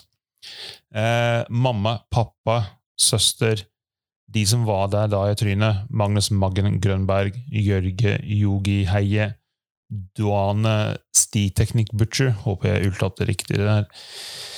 De som har vært der hele veien, Lars og Maggan, som dro i gang og støtter innsamlingen. Hilde fra Vinternatt, som har flettet armbånd, og alle de andre assistentene mine som har gjort livet mulig. Martin Vinje, også Sykkel-Martin, for å stole nok på meg etter én øl i baren, tillot, tillot meg klippe hockey på han dagen etter, og for at han sprer det glade budskap om at Stian skal tilbake på stien. Alle andre som har delt og spredt budskapet OTB-podden, tusen takk for det, Stian. Dere er ikke glemt. Riptape, som har donert alle klistremerkene, og Maggan, som har plukket av hver minste overflødige bit og delt opp kjedelinker til armbånd. Huckfest-gjengen, Magnus Tveito, Knut Myking, Vegard Breie, alle burde vært nevnt, skriver han i parentes, og Robert Ruud, som skreik, som skreik seg he, hes unnskyld, om innsamlinger og donerte billetter til utlåning til Stiansback Huckfest 2021 til Øydis, som ga meg livreddende først, uh, førstehjelp og dro i gang Stians barbershop sammen med Maggan, og ikke minst alle som lot seg klippe etter uh, eh, ulykkehjulsprinsippet. Eh, gutte, parentesteamet, bak ExoQuad som design og lager maskiner som virkelig gjør Stians back til en realitet. Sigurd Groven og geniet Mathias. Yes on Life, Dragon, Wings for Life, og stor takk og evig takknemlighet til alle som har donert og kjøpt armbånd, både til operasjon og Stians back. Ingenting hadde vært mulig uten dere. Mange nevnt, men ingen er forglemt. Også en liten PS her. Han som vant billettene til Huckfest 21, de Huck-gjengen Huck-gjengen donerte og Robert skreik om at ble trukket, har MS og blir dessverre ikke bedre. Han valgte å invitere en kompisgjeng for å se Rampage, og ga videre billettene eh, han hadde vunnet til Huckfest 2022. Glemte helt den historien. Den må du minne meg på neste gang. Ja, Men da fikk vi litt med nå, Stian, og så kan du utbrodere den historien neste gang. Håper jeg fikk lest ut riktig alle navn og sånn. Beklager hvis det var litt feil uttalelse her. Nå går vi tilbake til podden. Takk.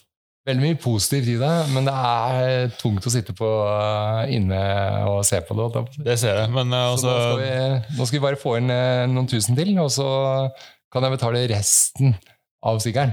Ja, Vi vil kalle det sykkelen nå. det skal vi få til. Altså Der må jeg bare oppfordre alle som hører på, til å Vi skal legge noen lenker i eh, description i podkasten, så må gå inn der, klikke inn.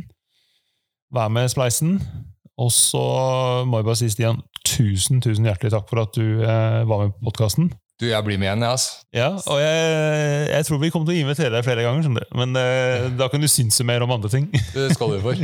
Absolutt. Jeg har gått tom, så jeg skal hente meg en øl til etterpå. Ja, vi gjør det. Ja, men uh, syk fett. Og så jeg, jeg, jeg må, må bare nevne at eh, For jeg tok kontakt med Stian og spurte om han ville være med i podkast, og han svarte ja med en gang. Og så sa du at det er litt vrient å komme til Oslo, så tenkte jeg herregud, du skal jo slippe å kjøre til Oslo.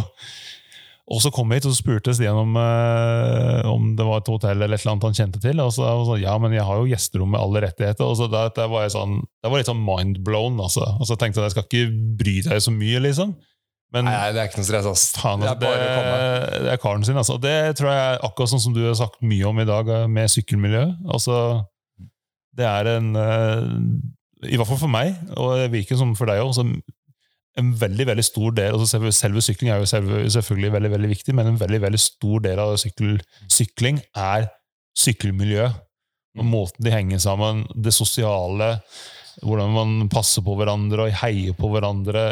Det er så sinnssykt kult, og det er eh, Du er jo bevis på at det er det som er så fett. Jeg skal bare si takk til noen som er veldig flink til å ringe og si hei. For det er veldig hyggelig. Absolutt. Eh, det er Kit. Eh, han vet hvem han er. Eh, han eh, er godt kjent i Frognerseteren. Ja. Eh, og så har vi Vi har Kristoffer, som er kompis av meg fra lenge siden. og Michael, som møtte på Høgfest første året jeg var der. som kommer fra England, han også. Mhm.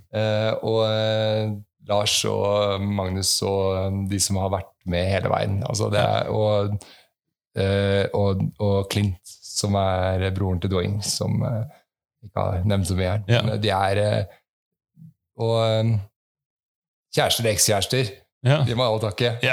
Ja. Og skal ikke nevne noen navn der, da. Men de har vært viktige, altså. Det, det å ha nære folk er viktig. Sjukt bra, Stian.